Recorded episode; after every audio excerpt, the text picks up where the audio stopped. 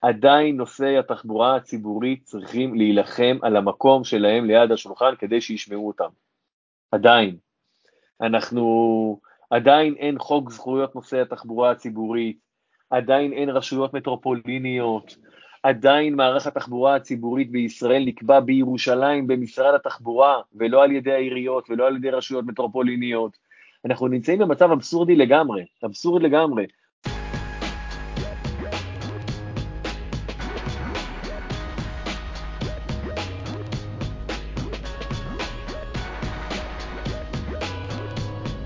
אנחנו כחברה, יותר, אנחנו, שוב, כולם פה בפודקאסט מציינים את זה שאנחנו המדינה המובילה ב-OECD בפקקים.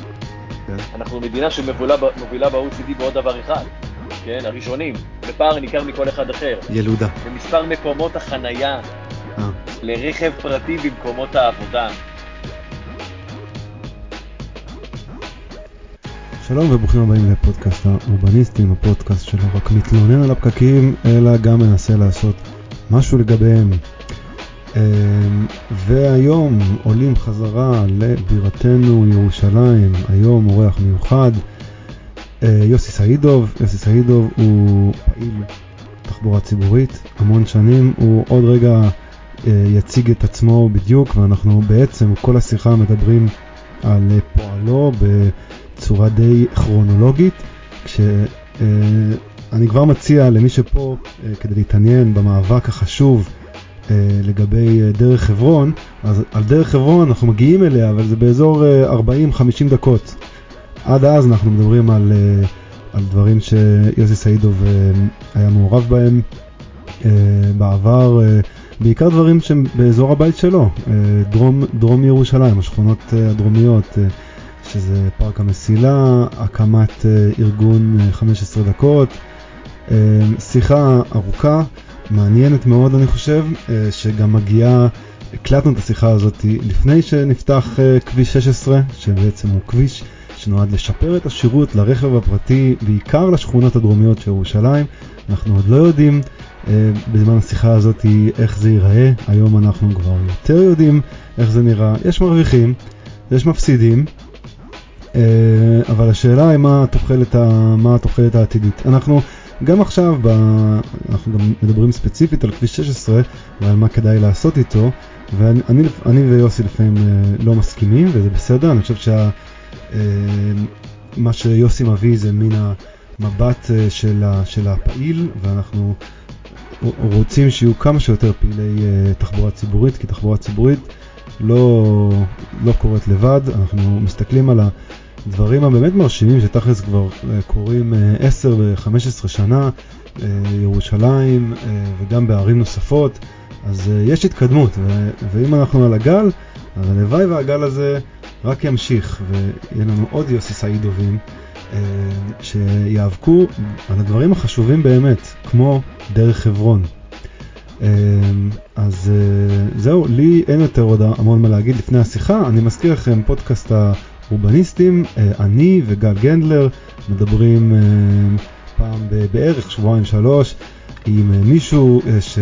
או מישהי על, על התכנון שלנו, על הסביבה, על אורבניזם ועל הדברים החשובים באמת. אז נשמח אם תספרו ותפיצו את הפודקאסט בקבוצות וואטסאפ, בקבוצות פייסבוק, משפחה, חברים. אנחנו כבר uh, מגיעים לדי הרבה uh, האזנות וזה, וזה כיף מאוד. בואו uh, בוא נגדל, uh, אם יש לכם משהו לכתוב לי או לגל אפשר לכתוב לנו למיילים או בטוויטר או לאימייל של הפודקאסט שהוא האורבניסטים.ג'ימל האורבניסטים שטרודל.ג'ימל.קום אם יש לכם הצעות או uh, הערות או הערות, מה שבא.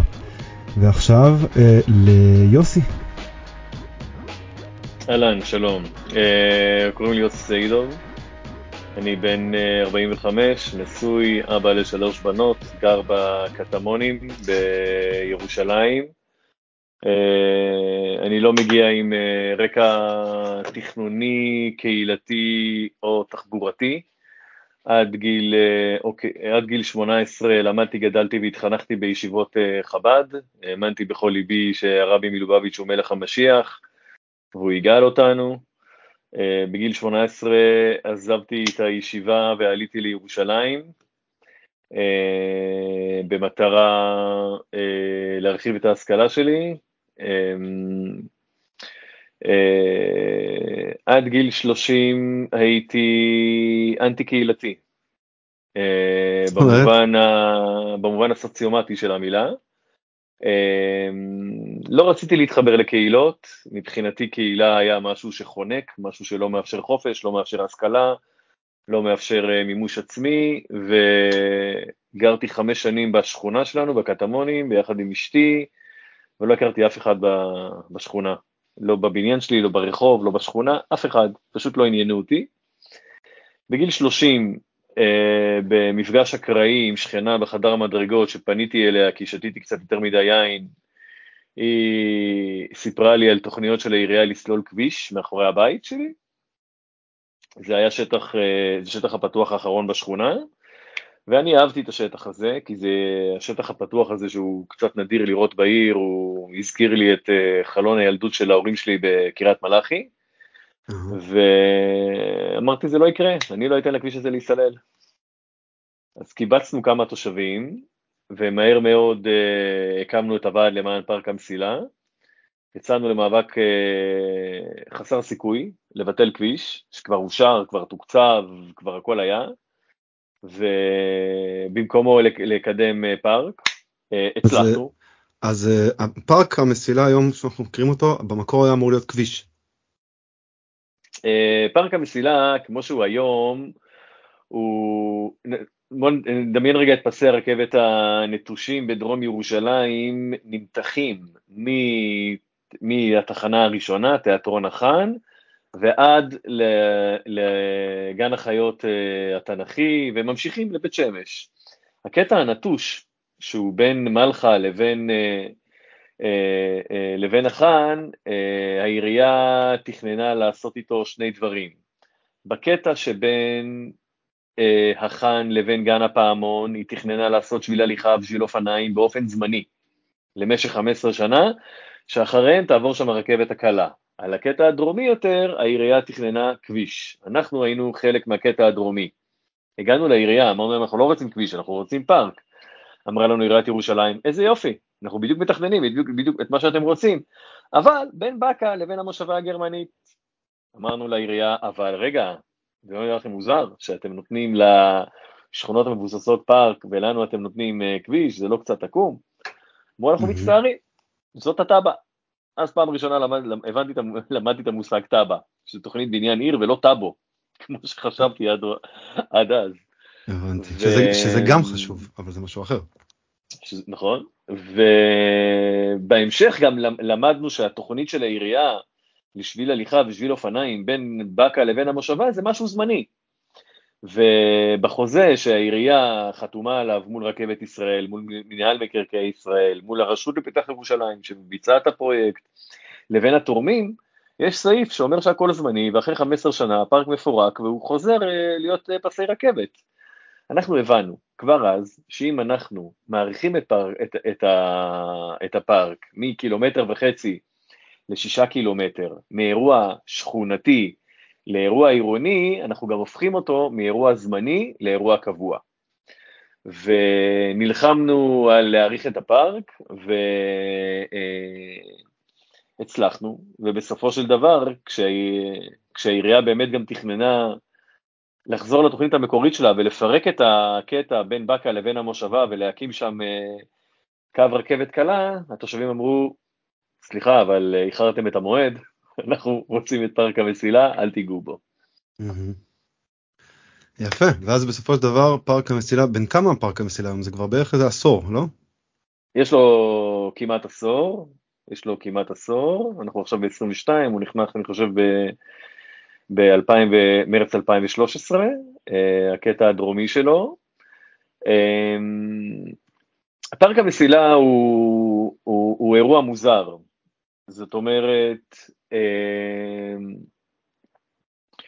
אה, קודם כל זה פארק שהעירייה בעצמה רצתה אותו, אבל באופן חלקי ובאופן זמני. זה הדבר הראשון, כן? היא לא דמיינה שהוא יגיע לרמות האלה. גם כשאנחנו נאבקנו על החלק הדרומי ורצינו את כל פארק המסילה, לא דמיינו שהוא יהפוך לכזאת הצלחה. מה זאת אומרת? בוא... בינינו לבין עיריית ירושלים יש אה, אה, אה, פער מאוד גדול בנקודות המבט. האורבניסטים, אלה ש... יש לי רק שאלה קטנה, ל... כל, כל המאבק הזה, מי ראש העיר? זה ניר ברקת או שלומיאנסקי? אה, אורי לופוליאנסקי, ומתחלף לניר ברקת. כן, mm-hmm. אנחנו מדברים על שלהי אה, לופוליאנסקי ותחילת, אה, ותחילת אה, אה, אה, ברקת. עכשיו, עיריית ירושלים היא עירייה מאוד מטעה.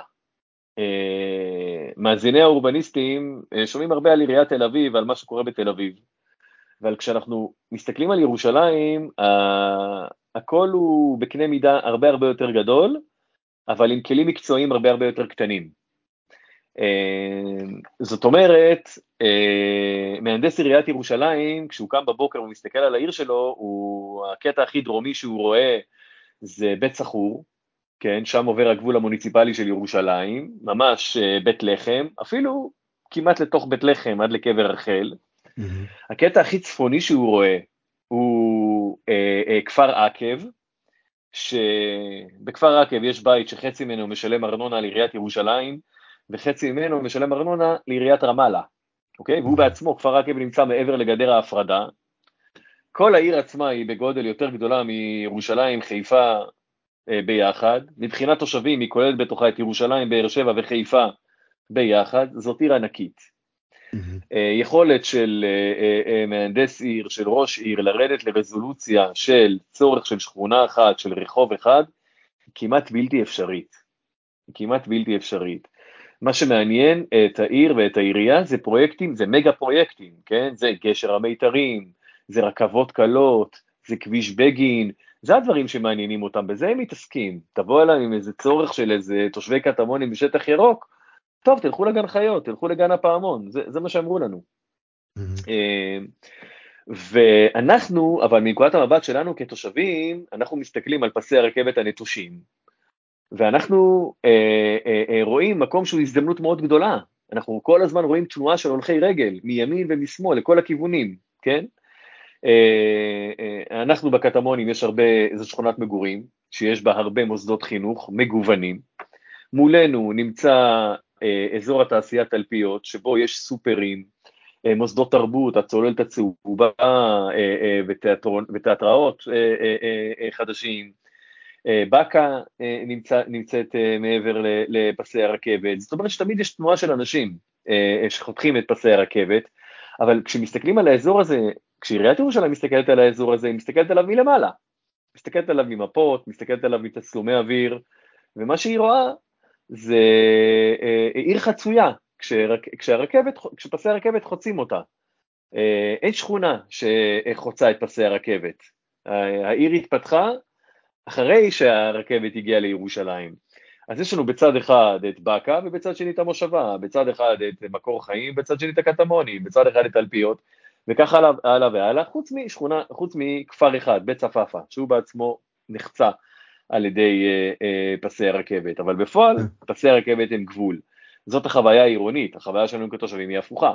המטרה שלנו הייתה להפוך את, אה, את נקודת המבט אה, של העירייה, להביא אותה לשטח, להבין שיש פה הזדמנות מאוד מאוד גדולה. אבל גם כשאנחנו הבנו שיש, כזו, שיש כאן הזדמנות מאוד גדולה, אנחנו לא דמיינו את ההצלחה. של, של פארק המסילה. זאת אומרת, הוא יצר ש, סדרה של שינויים. הוא יצר קודם כל אה, שינוי במספר הולכי הרגל.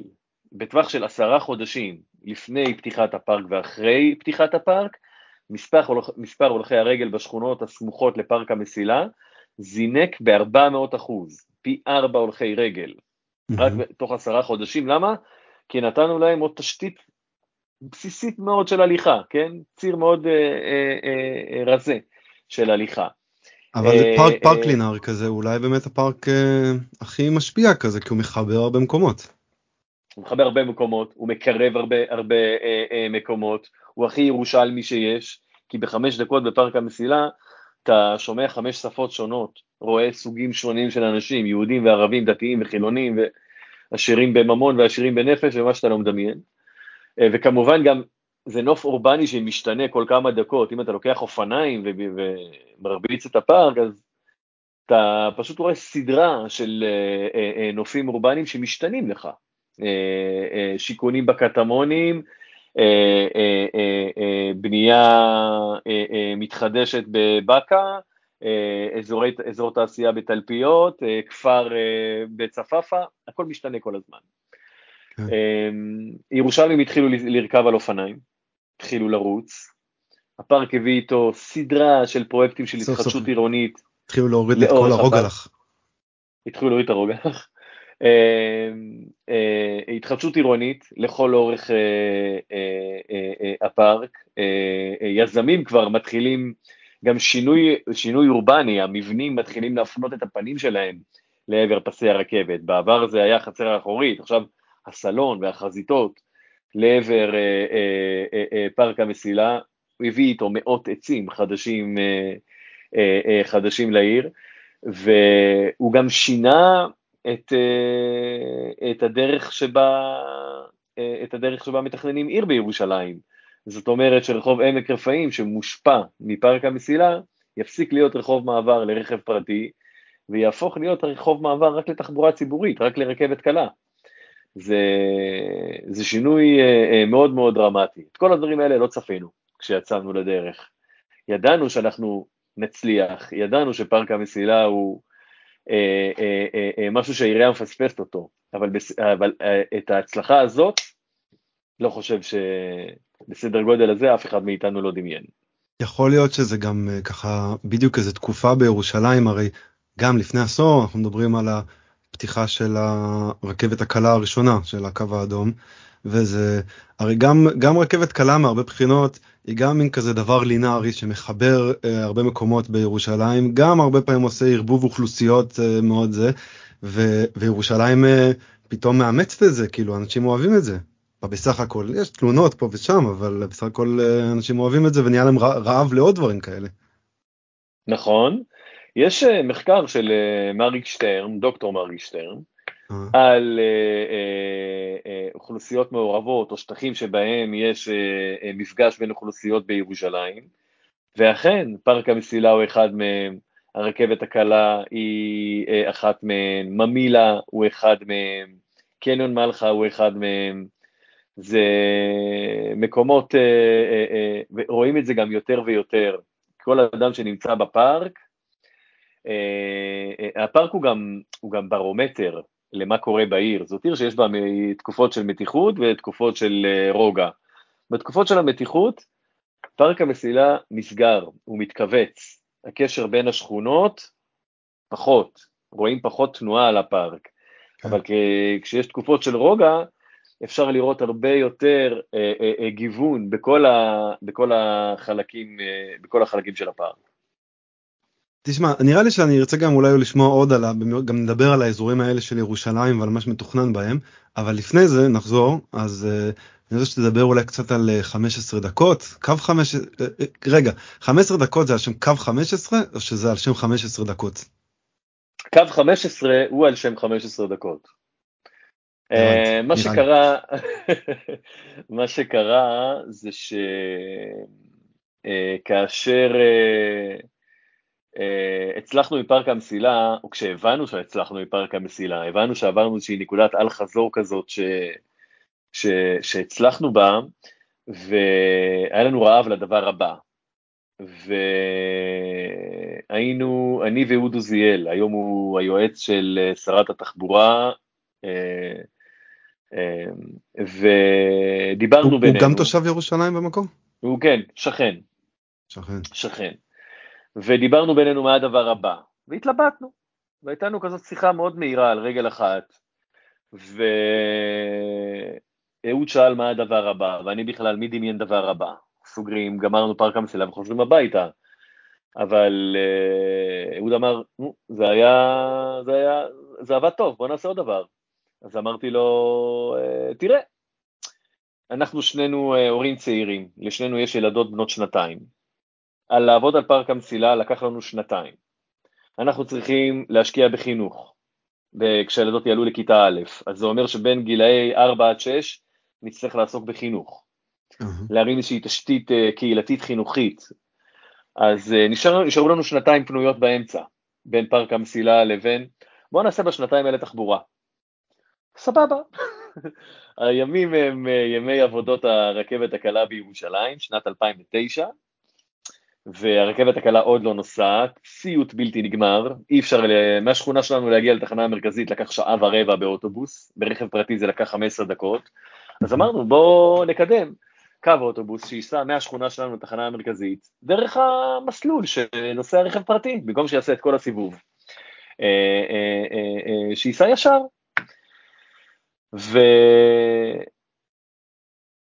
וטעינו כמובן, אה, לא לקח לנו שנתיים לעשות את קו האוטובוס הזה, לקח לנו ארבע שנים לעשות את קו האוטובוס הזה. אה, ו... אבל במהלך הארבע שנים האלה גם עסקנו לא רק בקו האוטובוס הזה, אלא בעוד הרבה דברים, עלייה מכל הדלתות, מידע בתחנות, אה, דוחות של מצב התחבורה הציבורית בירושלים, וכל דבר שנגענו בו, הייתה לו השלכה ארצית. זאת אומרת, אה, עלייה מכל הדלתות, בום, זה קורה בכל הארץ. מידע בתחנות, בום, זה קורה אה, אה, אה, בכל הארץ. רגע, ו... אני רוצה שנייה להתעכב על עלייה מכל הדלתות. אז באמת עד אז אה, אי אפשר לעלות, כאילו היה אפשר לעלות רק מהדלת הקדמית של האוטובוס. קדמית, נכון, נכון. ורציתם, ובאמת עכשיו זה נכנס תכלס רק לפני אני חושב שנתיים או שלוש זה שאפשר להיכנס אה, קצת לפני הקורונה, זה... 2019. זה נכנס, התחיל להיכנס ב-2013, 2013-2014 okay. זה התחיל להיכנס, בהתחלה בשליש מהקווים המהירים בירושלים ובתל אביב. Uh, uh, בירושלים זה כל ה-70 למיניהם, uh, קווי עתירי נוסעים, זה קיים כבר, כבר כמעט עשור. Um, בהמשך, כל מכרז חדש של משרד התחבורה, הוא אה, אה, אה, הנחה את המפעילים לאפשר עלייה מכל, אה, מכל הדלתות, כן. גם, ב, גם בקווים שלהם. עכשיו, זה, זה התחיל מאבסורד. זאת אומרת, מה שקרה זה שעברנו, אה, נושאי התחבורה הציבורית עברו מכרטיסיות נייר ומחופשי חודשי מנייר לרב-קו, ואת הרב-קו צריך לתקף. ובירושלים לנהגים היה המכשיר תיקוף דמוי כספומט, שהיית צריך להכניס את המכשיר, לחכות שיהיה אור צהוב שאומר שהוא קורא את הכרטיס, שיהיה אור ירוק שאומר שיש לך אה, מספיק נסיעות והוא מתקף לך את הכרטיס, לחכות שהקבלה תצא, למשוך את הקבלה ולמשוך את הכרטיס. אני זוכר, זה, זה נראה לא רק בירושלים, בכל מקום ככה זה. נכון, כל זה לקח 15 עד 20 שניות לנוסע. אם כן. עשית שלב אחד, טעית, משכת את הכרטיס לא בזמן, לא היה לך אה, אה, אה, חוזה בכרטיס, משכת את הקבלה לא בזמן, כל התהליך מתחיל מההתחלה. זה אומר ששלוש נוסעים עולים לאוטובוס, לוקח, האוטובוס מתעכב דקה בתחנה, עבור שלושה נוסעים. תאר לך מה קורה בתחנות עמוסות נוסעים במרכז העיר, עשרה נוסעים, עשרים נוסעים, האוטובוס עומד ארבע, חמש דקות בתחנה. אנחנו נכון. פשוט תזמנו את זה, צילמנו את זה, העלינו לרשתות את גודל האבסורד, וזה מטורף, אתה נוסע באוטובוס, לכאורה, ו-20 דקות מזמן הנסיעה, האוטובוס עומד בתחנה. עכשיו, אתה מרים את העיניים, ואתה מסתכל על מה קורה ברכבת הקלה, פה, ברחוב יפו בירושלים, לא באמסטרדם, לא בלונדון, פה בירושלים. עשרות אנשים עולים ויורדים בשניות בודדות. כן. זה לא הגיוני, פשוט לא הגיוני. ואתה הולך למערכת ואתה אומר למערכת, סליחה, עלייה מכל הדתות, אומרים לך, לא, זה יקרה, לא, לא, לא, לא חשוב לנו. כאילו. אה, אני, אני רוצה אבל אה, להקשות פה, כי אה, אני בדיוק לא מזמן אה, נכנסתי לסיפור הזה, כאילו וקראתי על זה קצת, אה, ולמשל פה בלונדון, אתה יודע, הכניסו גם כניסה מכל הדלתות לאוטובוס הדו-קומתי האדום שלהם, אה, רק לפני אה, כמה שנים, אני חושב גם באזור הזה 2015-2016, ואז ב-2020 מתישהו, עוד לפני הקורונה הזה, הפסיקו את זה וחזרו לכניסה רק מקדימה uh, בגלל uh, fair evasion שאנשים לא שילמו. ויכול להיות שזה גם עכשיו בארץ uh, מפעילות האוטובוסים מתלוננות על זה שיש יותר עכשיו זה לא רק זה אלא זה גם התיקוף באפליקציות שנותן הרבה יותר uh, מקום uh, לעבוד על המערכת. אמ, וזה בעיה אני חושב. הם אומרות שזה הפסד של 300 מיליון שקל בשנה אה, אנשים שלא משלמים.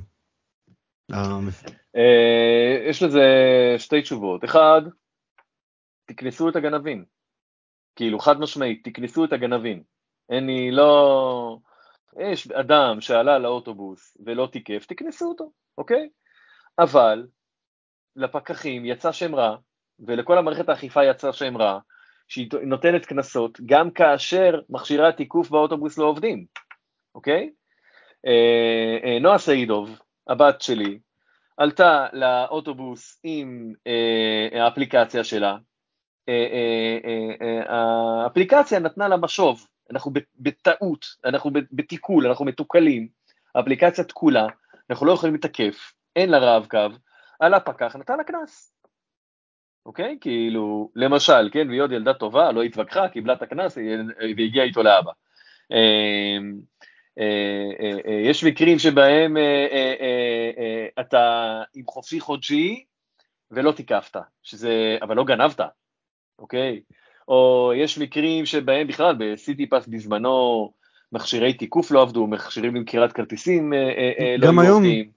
אה, אה, גם היום אה, הרבה פעמים אתה עולה לאוטובוס והמכשיר לא עובד. אז, אז קודם כל צריך שהמכשירים יעבדו וצריך לאפשר לנוסעים את מקסימום האפשרויות לשלם ומי שלא משלם, תן לו קנס. אין בעיה, אני מאוד מאוד בעד לתת לו, לתת לו קנס. מהצד השני, מהצד השני, mm-hmm. יהיו גנבים, תמיד יהיה את האחוז האנשים שלא, שלא יתקפו, 5 אחוז, בואו נסכם על איזשהו מספר של אנשים שיערימו על המערכת ולא יתקפו, חמישה אחוזים נגיד, אוקיי? ולקבל את זה. הנזק, כן, האם הנזק של החמישה אחוזים האלה שווה את הנזק של בזבוז הזמן של לעמוד בתחנה 20 דקות, במצטבר, לכל כיוון? ברור שלא. יש כאן trade-off, יש כאן, אני מסכים. אה, יפה ואין ספק שמאז אה, גם בכלל אה, ראו הרבה כאילו במהלך העשור הקודם ראו עלייה גדולה מאוד בשימוש באוטובוסים בערים לפי הנתונים שאני מכיר גם בתל אביב גם בירושלים הדברים האלה מאוד אה, מאוד עזרו. אז ככה התחיל בעצם 15 דקות? נכון זה התחיל מקו אוטובוס שחלמנו עליו אבל רק אחרי ארבע שנים קו האוטובוס הזה יצא נולד. עבור משרד התחבורה זה כבר היה מאוחר מדי, כי 15 דקות הפך לעמותה, ופעל אה, אה, אה, כבר בצורה יותר ממוסדת ויותר חזקה. אתה יודע שאני הייתי, ב... כשהייתי בטכניון הייתי במאבק דומה. היה, אם אתה מכיר קצת את חיפה, אז היה קבוצה של סטודנטים שגרו בהדר עליון, אזור רחוב מסדה והדר עליון, אה, כשרוב הסטודנטים גרים יותר קרוב אה, לטכניון בנווה שאנן ואנחנו רצינו שיהיה לנו אוטובוס כי לא, לא היה אוטובוס משם אה, לטכניון והיה שם אני הייתי רק ככה חתמתי על עצומות היה שם אנשים שניהלו את זה נועם פוניה אני זוכר ובסוף קיבלנו אוטובוס שנוסע שלוש פעמים בבוקר כאילו גם אני באמת חושב שאולי היה שם שאלה של אה, ביקוש לאורך הציר הזה כי הבעיה באיך שחיפה בנויה זה שבין הדר עליון לבין נווה שאנן יש כלום שזה הגרנד קניון. יש, אה, יש שם הרבה כבישים מהירים איפה שקניון הגרנד קניון ויכול להיות שהם אה, יש שאלה אם אפשר לסדר קו ישיר לכל מי שרוצה כאילו יש שאלה של ביקוש לא? תגיד לי כביש יש בין אה, אה, הדר אה, עליון לבין הטכניון. יש כביש אבל בגלל שזה הכל אה, תכנון מאוד פרברי כזה אז הכביש הזה הוא סוג של כביש מהיר בתוך העיר ואין בו כלום. הבנתי. אבל אתה בעצם מתאר לי מדינה שהשקיעה פה בתשתית עבור רכב פרטי. נכון. אז למה שלא יהיה קו אוטובוס? כאילו, אם. הרכב הפרטי קיבל את ההשקעה הזאת, למה שנושאי תחבורה ציבורית לא יקבלו את ההשקעה הזאת? זאת שאלה אה, מספר אני, אחת. אני מסכים, אוקיי? כן. שאלה, שאלה מספר שתיים, שהיא קשורה קצת לשאלה מספר אחת, או יותר נכון קצת עובדה שתאיר את עינינו. מערך הכבישים בישראל מתוכנן על פי תחזיות תנועה לשעה, לשעה, לשעות 7 עד 8 בבוקר, אוקיי? זאת אומרת ש, אה, אה, אה, שמתכננים את הכבישים על פי שעות העומס, שעות הביקוש, בסדר?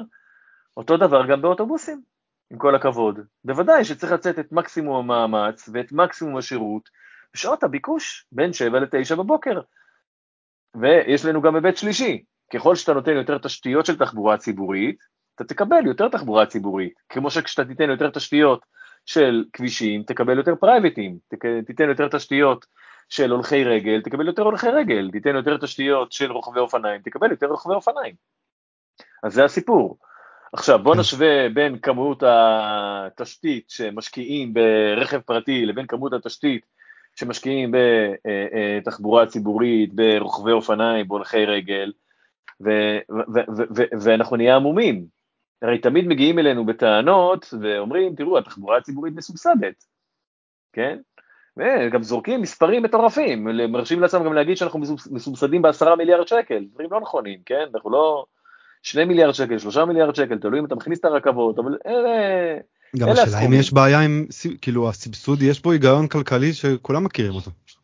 עכשיו, ומהצד השני, הרכב הפרטי לא מסובסד. חנייה חינם, בלי הפסקה, זה לא סבסוד. אה, אה, מחלפים שמוקמים אה, כמו פטריות אחרי הגשם ופקוקים בטירוף, זה לא סבסוד. הוא מסובסד בלי הפסקה, הוא מסובסד הרבה הרבה יותר מאשר התחבורה הציבורית. נכון, אבל אז הם, הם טוענים שהם משלמים מס על הדלק וגם מס קניית רכבים מאוד גבוה, אבל אני מסכים איתך שאפשר לעשות את החשבון ולהראות שעדיין הם מסובסדים. אני, זה מאוד ברור, נכון, ההכנסות של המדינה ממיסי אה, אה, אה, רכב הם 12% מתקציב המדינה, שהם כ-40 מיליארד שקל, שבאורך מפתיע זה בדיוק 40 מיליארד שקל שהרכבים גם גורמים לנו נזק. היום, ה... אז עם כל הכבוד, לא רק שהרכב הפרטי לא מסבסד ולא מממן אותנו באמצעות המיסים שלו, להפך, הוא גורם נזק. היום הנזק של הרכב הפרטי עולה על התועלות שלו, עולה על ההכנסות שלו, גם מבחינה כלכלית. כן נכון. למרות שאני חושב שבחישובים כאלה לא מראים כאילו יודע, כשאנחנו עושים חישובים של תחבורה ציבורית אנחנו אומרים זה גורם להתחדשות עירונית זה גורם לדברים זה. וגם הרכב היום מין מחזיק את הכלכלה. אם היום יש אנשים שאומרים אל תיתנו לרכבים להיכנס למרכזי הערים. אבל אבל אה, אה, אין אני אני מרגיש לפחות שאנחנו לא יכולים. כאילו המעבר חייב להיות יחסית איטי ואנחנו כן צריכים להשקיע בתשתיות כי כרגע הכל מוכוון לרכב. זה לא ש... אמ, טוב אבל אה, כן זו שאלה גדולה אז באמת אה, לא זאת שאלה שאני חושב שכבר ענו עליה פה בפודקאסט שלך. כל עוד אין תשתיות מהירות של תחבורה ציבורית, כן, לתוך הערים, אז אם אתה שם אגרת גודש, אתה בעצם, זה מס שמאפשר רק לבעלי ההון להגיע לעיר, ומשאיר כן. את החלשים אה, או המוחלשים מאחורה. כן, והם לא, והם לא אה, אה, אה, נגישים לעיר. לדעתי, זה פוגע בעיר עצמה, יותר מאשר זה פוגע במוחלשים ובחלשים.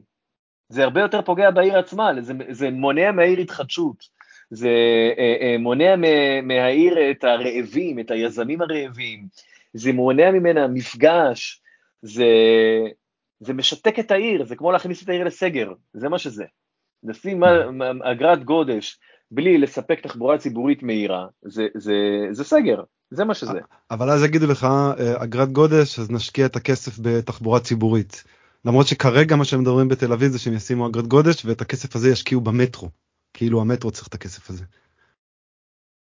הם תמיד אה, יגידו, תמיד יהיה להם תירוצים, באמת, תמיד יהיה להם תירוצים. ואנחנו מסתכלים אחורה על uh, כל השיטה הזאת, באמת, על, על השיטה שעבדה עד היום, תכנון התחבורה על פי אה, אה, אה, להיענות לביקושים של הרכב הפרטי, ואנחנו רואים שזה לא עובד. זה לא עובד. אה, אנחנו מקליטים את הפודקאסט הזה באוגוסט 22, ימים ספורים לפני פתיחת כביש 16 אה, אה, בירושלים, כן? כן. הרבה ירושלמים מתרגשים מזה. כניסה חדשה לעיר, נוכל להגיע בקלות לשכונות הדרומיות. כן, הם רואים בזה את הצדדים של היתרונות, אבל אנחנו שוכחים שאנחנו נמצאים במשבר תחבורה אדיר, אנחנו לא מסוגלים לזוז בתוך העיר הזאת. הדבר שהכי מטריד היום את הירושלמים, כמו שמטריד כל עיר אחרת, זה, זה משבר התחבורה, אתה לא יכול להגיע ממקום למקום, זה, זה לוקח שעה, ולא משנה מה, אה, אה, מה המרחק, זה בלתי נתפס. אז עכשיו אנחנו מביאים עוד אלף רכבים חדשים ל- ל- אה, אה, לעיר מדי שעה בשעות העומס. לאן? כן.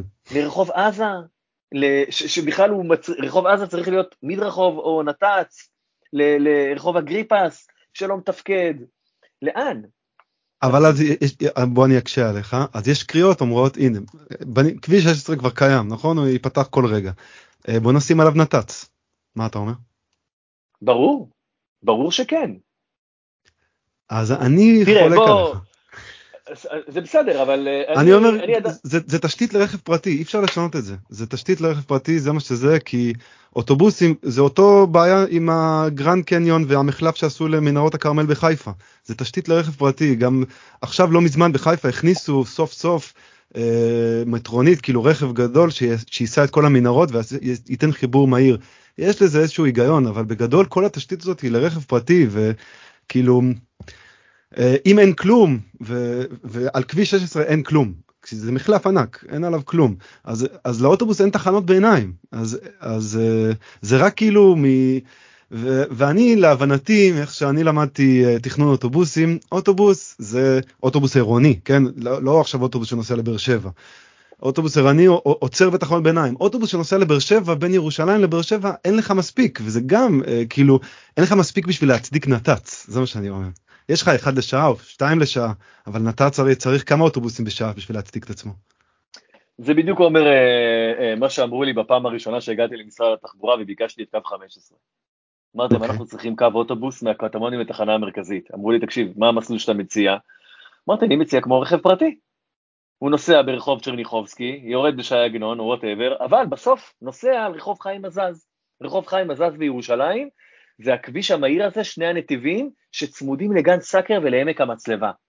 מהמם. לא גרים מימין ומשמאל, לא גר שם אף אחד. ואמר לי, האדם, אותו, אז אה, המתכנן, ש- אמר, תשמע יוסי, לא, לא יעלו וירדו נוסעים, אין שם תחנות, לא צריך את האוטובוס שלך. מה אבל זה כן קרוב שטויות. לנחלאות וכאילו עדיין, להם הם עולים לרחוב יפו, או מה שזה לא יהיה, או לבצלאל, לא צריך, לא צריך את האוטובוס שלך. אני, אני גרתי פעם כן. בנחלאות השתמשתי שם בכביש הזה. אמר לי, זה מה שהוא אמר לי, תשמע, אני עקשן, אני לא מוותר. לא צריך לשכנע אותך? אז מה? אני משלם מיסים, לי מגיע מה שאני רוצה, אני לא ארד ממך עד שאני אקבל את מה שאני רוצה, ולא ירדנו מאוד שקיבלנו את מה שרצינו, את קו 15. הפעם הבאה שקו 15 הגיע לכותרות, זה היה כאשר נוסע נעמד מתחת אה, לגן סאקר באחת התחנות, מול, תח... מול האוטובוס, הנהג לא העלה אותו, כי האוטובוס היה מלא עד אפס מקום, הוא לא העלה אותו, וזה האוטובוס השני או השלישי שלא העלה, לא העלה את הנוסע הזה באותו בוקר, הוא נעמד מול האוטובוס ובמשך 20 דקות לא זז, שילב ידיים ולא זז, ומתקשרים אליי נוסעים מהאוטובוס, ואומרים לי יוסי האוטובוס תקוע לא זז, כי הנהג לא מעלה אותו כי אין מקום. אמרתי להם חברים, זאת ההזדמנות שלנו, תסריטו בווידאו, צילמו בווידאו, העברתי לוויינט, זה קיבל strip בוויינט. בבקשה, אתה נותן אה, תשתית, אנשים לוקחים אותה. אתה לא תיתן, אה, אה, אה, אה, אה, זה בכל מקום אנחנו רואים את זה. אתה, אה, אה, הרכבת הקלה בירושלים, תוכננה ל-90 אלף נסיעות, נוסעים ביום, מהמם. יש בה בפועל כמה? 150 אלף? 170 אלף, 170? כן, נסיעים ביום, ולא הוסיפו קרון אחד. הצפיפות היא אדירה, היא, היא, היא, לא מכבדת אה, אנשים. ישראל כץ לפני עשר שנים, לפני עשר, עשר שנים, ישראל כץ אה, עשה נת"צ בשול הדרך בין נתניה לתל אביב, כן? בשולי הדרך הוא עשה נת"צ. נת"צ טקטי, הראשון בישראל אפשר לקרוא לו, אוקיי? מספר הנוסעים באוטובוסים זינק ב-20% בתוך עשרה חודשים, וזמן הנסיעה התקצר ב-30%. אה, אה, מחלף שפירים, תגיד לי, הישראלים לא, לא עזבו את הרכב הפרטי שלהם, כל עוד אין תחבורה ציבורית בשבת, כל עוד אין רשת של רכבות, כל עוד, כל עוד, הנה, בונים שם היום קומה שנייה של חניון, כן? לרכב פרטי, אבל- באמצע שום מקום. זהו השאלה? היא זה תחבורה מעדיף. ציבורית? זה לא רכב פרטי, קודם כל. זה זה רכב לא רכב פרטי עד פרטי. לשם. יפה, אבל אפשר, אני לא נגד הרכב הפרטי. תשמע, מחר משפחת סעידוב תיסע לצפון, לנופש. אנחנו נעשה את זה ברכב פרטי. כן. אני לא אה, אה, בעד לשרוף את כל הרכבים הפרטיים, אני לא חושב שהרכב הפרטי הוא, הוא נזק, אבל הרכב הפרטי איבד לחלוטין מהפרופורציות שלו. הוא התנפח מעבר לפרופורציות שלו. אני, כשאנחנו, מדבר, המשבר שלנו, משבר התחבורה שלנו, נמצא בנסיעות לעבודה, שם הוא נמצא. אם אנחנו נצליח להעביר את הנוסעים מהרכב הפרטי לתחבורה הציבורית בשעות העבודה, אנחנו נצמצם אולי גם צורך ברכב פרטי שני, אנחנו נצמצם את שטח החניות שלו, נצמצם את השימוש בו. המטרה היא לא להעלים אותו, אבל המטרה היא להשתמש בו בצורה נכונה. אנחנו היום נמצאים בדומה לאדם אה, אה, אה, שיש לו אה, אה, אה, עודף שומן בדם. זאת, זאת הסיטואציה. עכשיו, מביאים לי המבורגר חדש. עכשיו ירד מה... מהגריל, המבורגר חדש, או סטייק טעים מאוד, עומד מולי, הוא יהיה לי טעים מאוד, הוא יהיה כיפי, זה כביש 16, זה מה שזה. אבל אם אני אוכל אותו, אני אעמיק את הבעיה שלי, אני צריך לעשות דיאטה, אני צריך ללכת ולאכול פחות שומן, ולאכול אה, אה, יותר דברים בריאים, אוקיי? זה, זאת הסיטואציה. לכן כביש 16, א', בוודאי שהוא צריך להיות נת"צ, תעשה בו נת"צ, אתה אה, אה, אה, שיש שם, יש שם קטעים שיש שם רק שני נתיבים לכל כיוון, זאת אומרת שזה יהיה נתיב אחד לפרטי לכל כיוון. אדרבה, נכון. אני, אני אומר יותר מזה, בוא תבדוק את המספרים. בכל מקום שאתה תבדוק את המספרים, כשיש אוטובוסים שנוסעים על הכביש ורכב פרטי שנוסע על הכביש, תבדוק את המספרים המוחלטים, כן? תהיה, תהיה המום לגלות שתמיד יש רוב לנושא התחבורה הציבורית, תמיד. כל תמונה של פקק שאתה מכיר, כן? שיש בה אוטובוס אחד או שניים, תספור את המכוניות, תניח כמה אה, אנשים יש באוטובוס, תניח שאף אחד לא עומד באוטובוס, שכולם רק יושבים, כן. ויש יותר נוסעים על הכביש הזה. בכביש מספר 1, 50% מהנוסעים בשעות העומס הם נוסעי תחבורה ציבורית, יש שם שלושה נתיבים. נכון להיום, אף אחד מהם לא נת"צ, אמור היה להיות נת"צ. לפני כמה ימים המשטרה מתווכחת עם משרד התחבורה. כן. אבל uh, אנחנו צריכים, עכשיו, הרכב הפרטי, כל עוד יש חלופה של תחבורה ציבורית, תשתמש בו, אבל גם תשתמש אני, בו במחיר מותאם. על הסוגיה הזאת של אוטובוסים על אה, תשתיות אוטוסטרדיות כאלה, כמו כביש 16 או כמו איילון, זה שיש את הבעיה של, אה, כאילו זה נראה טוב על הכביש עצמו, אבל יש את הבעיה של ההשתזרות, הכניסה והיציאה של האוטובוס מכל המחלפים האלה, כי אוטובוס לא יוצא את זה באופן יעיל, עד שהוא יוצא מהמחלף, ואז הוא מוריד איזה כמה אנשים, מעלה שני אנשים, ולוקח לו שוב אה, חמש דקות אה, לצאת או להיכנס. ומה החלופה? שהוא יהיה תקוע בפקק חצי שעה, או שהוא יהיה חמש דקות תקוע בפקק? החלופה, אם אתה שואל אותי, כן, החלופה לפי דעתי זה לבדוק בדרך כלל אה, יש זה בעצם אנחנו מדברים כאן על מרחקים ארוכים של נסיעות כאילו שזה לאו קו 15 מה שאתה מדבר זה לא זה לא כזה מרחק ארוך וזה מרחק עירוני אבל כשאנחנו מדברים על מרחקים ארוכים כמו אה, מה שאיילון אה, עושה נסיעות מצפון תל אביב לדרום תל אביב לבדוק איך אפשר להשמיש יותר מסילות זאת אומרת גם גם ברכבת ישראל וגם זה וזה גם אני חושב נכון.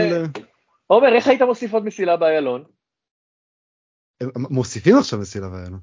איך, אה, איך אתה היית מוסיף? אני יודע איך הם מוסיפים. הם אה, אה, יוצרים אגן ניקוז חדש לנחל איילון, הם כן. שינו את חוק מקווה ישראל, הם מקרים את איילון, הם משנים את איתני הטבע ואת ספר החוקים של מדינת ישראל בשביל, בשביל, להוסיף, מדינה, בשביל להוסיף מסילה רביעית.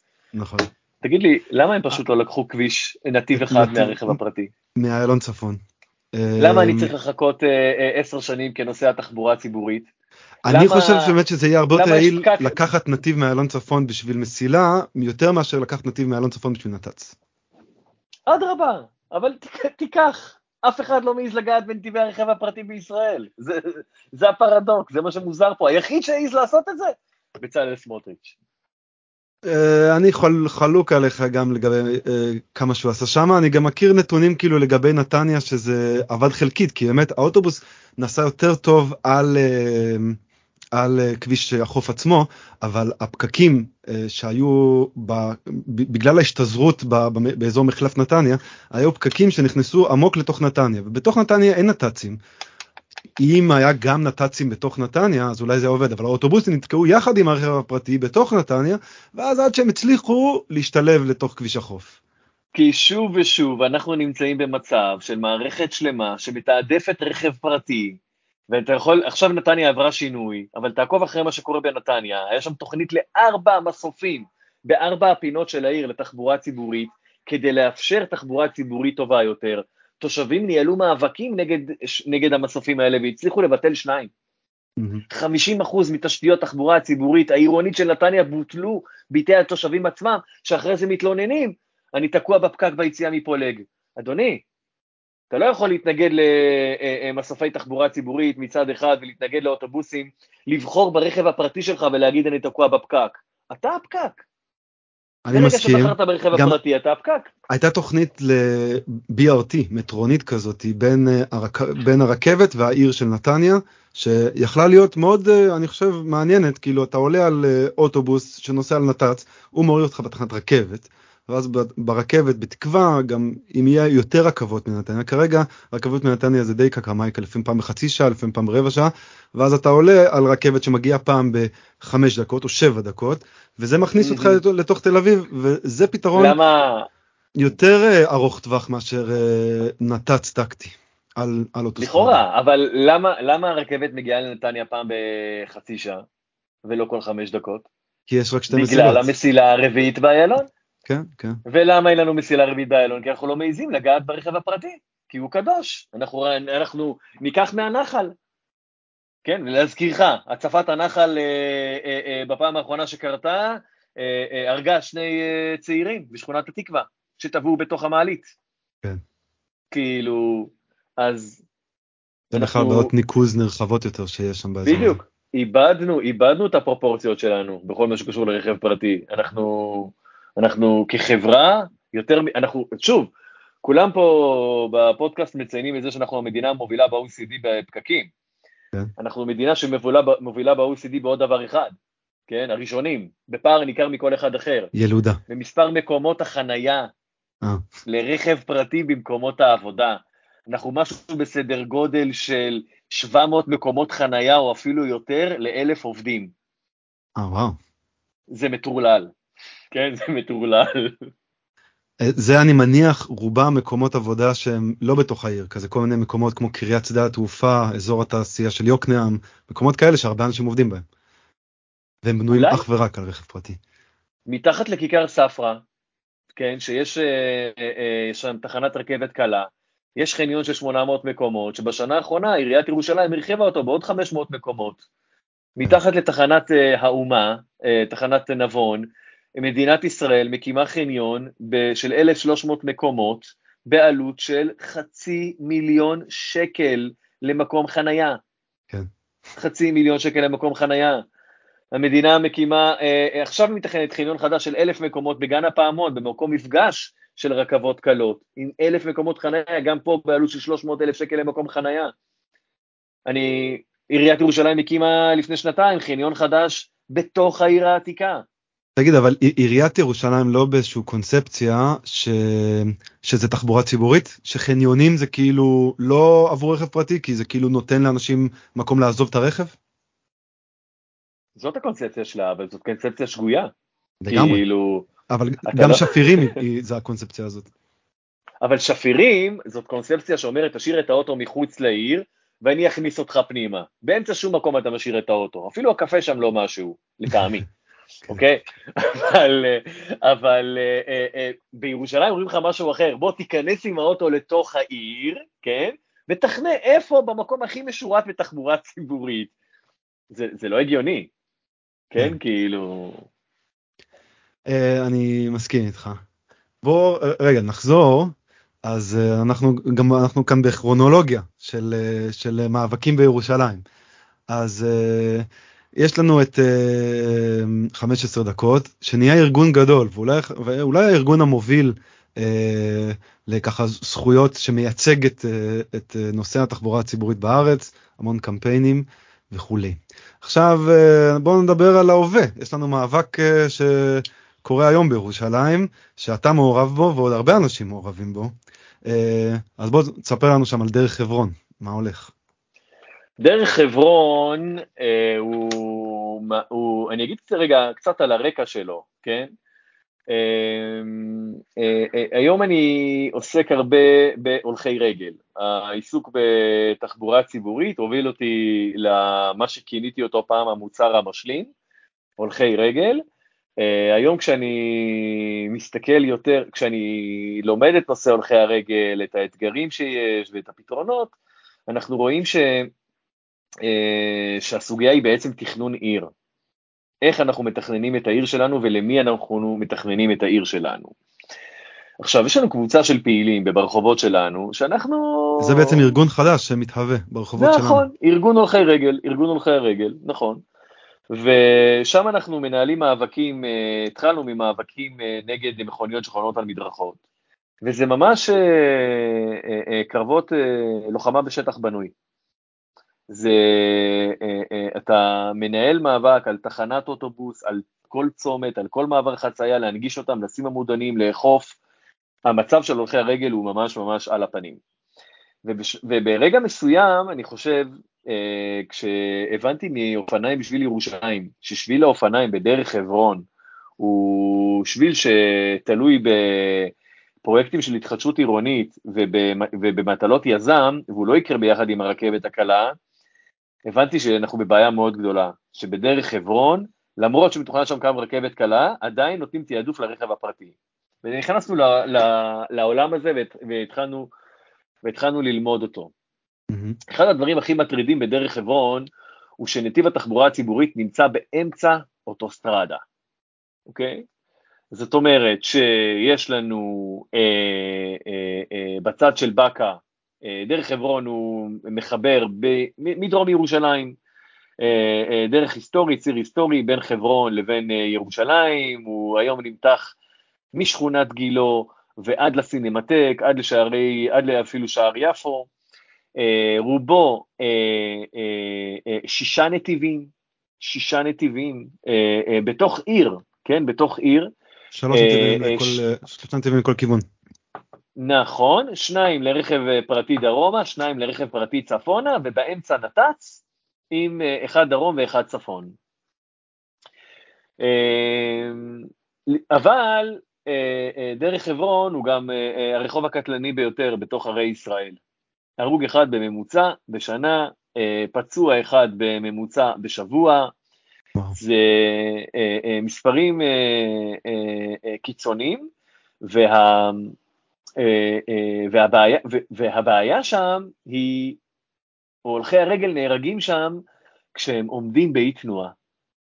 הם לא נהרגים כשהם חוצים את הכביש, אלא מה שקורה זה שהולך רגל למעשה עשרות אלפי הולכי רגל עולים ויורדים לאוטובוסים מאי תנועה, ממש מאמצע האוטוסטרדה, ואז כדי להגיע לאוטוסטרדה, כדי להגיע לתחנה וכדי לצאת מהתחנה, הם נאלצים לחכות לאור ירוק על שפת האוטוסטרדה באי תנועה, ממש באי תנועה.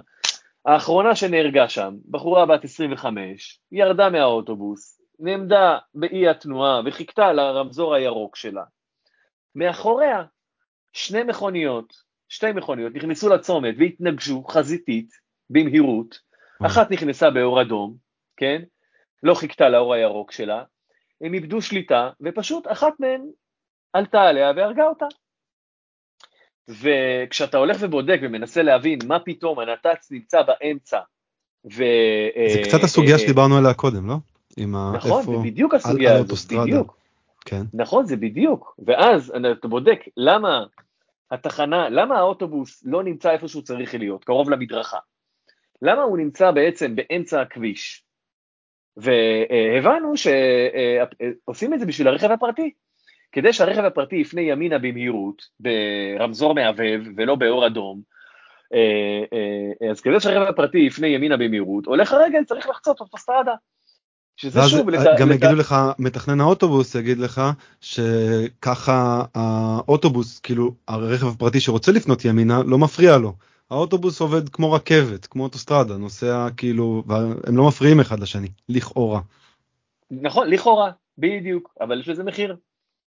והמחיר הוא קודם כל בחיי חיי, אה, אה, אה, אדם, אוקיי? כן. זה הדבר הראשון, ובואו נשאל את עצמנו האם זה מחיר שאנחנו מוכנים לשלם. עכשיו, אנחנו צועדים קדימה ואנחנו מסתכלים מה בעצם קורה בדרך חברון. יש לך אוטוסטרדה, איך עיריית ירושלים באה ופתרה את הבעיה הזאת? באה עיריית ירושלים, השקיעה מיליוני שקלים, ולפני שנה-שנתיים עשתה פרויקט לכל אורך דרך חברון, ועשתה התאמת רמזורים. גל ירוק מצד אחד לצד השני, אתה יותר לא עומד באמצע, כן? אבל סליחה, אבל זה מתאים למי שחוצה מצד לצד, זה לא מתאים לא למי שיורד מהאוטובוס, מהאוטובוס עולים ויורדים עשרות אלפים, להפך, אף אחד לא חוצה מצד לצד. אה, אה, אה, היינו בבית ספר בדרך חברון, דיברנו עם המנהלת, והיא אומרת לנו, תראו, ילד שגר מולנו, מהצד השני של דרך חברון, ההורים שלו מביאים אותו לפה ברכב, כי הם לא מוכנים שהוא יחצה את הכביש הזה. אפילו שיש גשר של הולכי רגל, הם לא מוכנים, כן? וכולם כל הזמן, הדרך חברון הזאת הפכה את תושבי השכונות הסמוכות למכורים לרכב פרטי.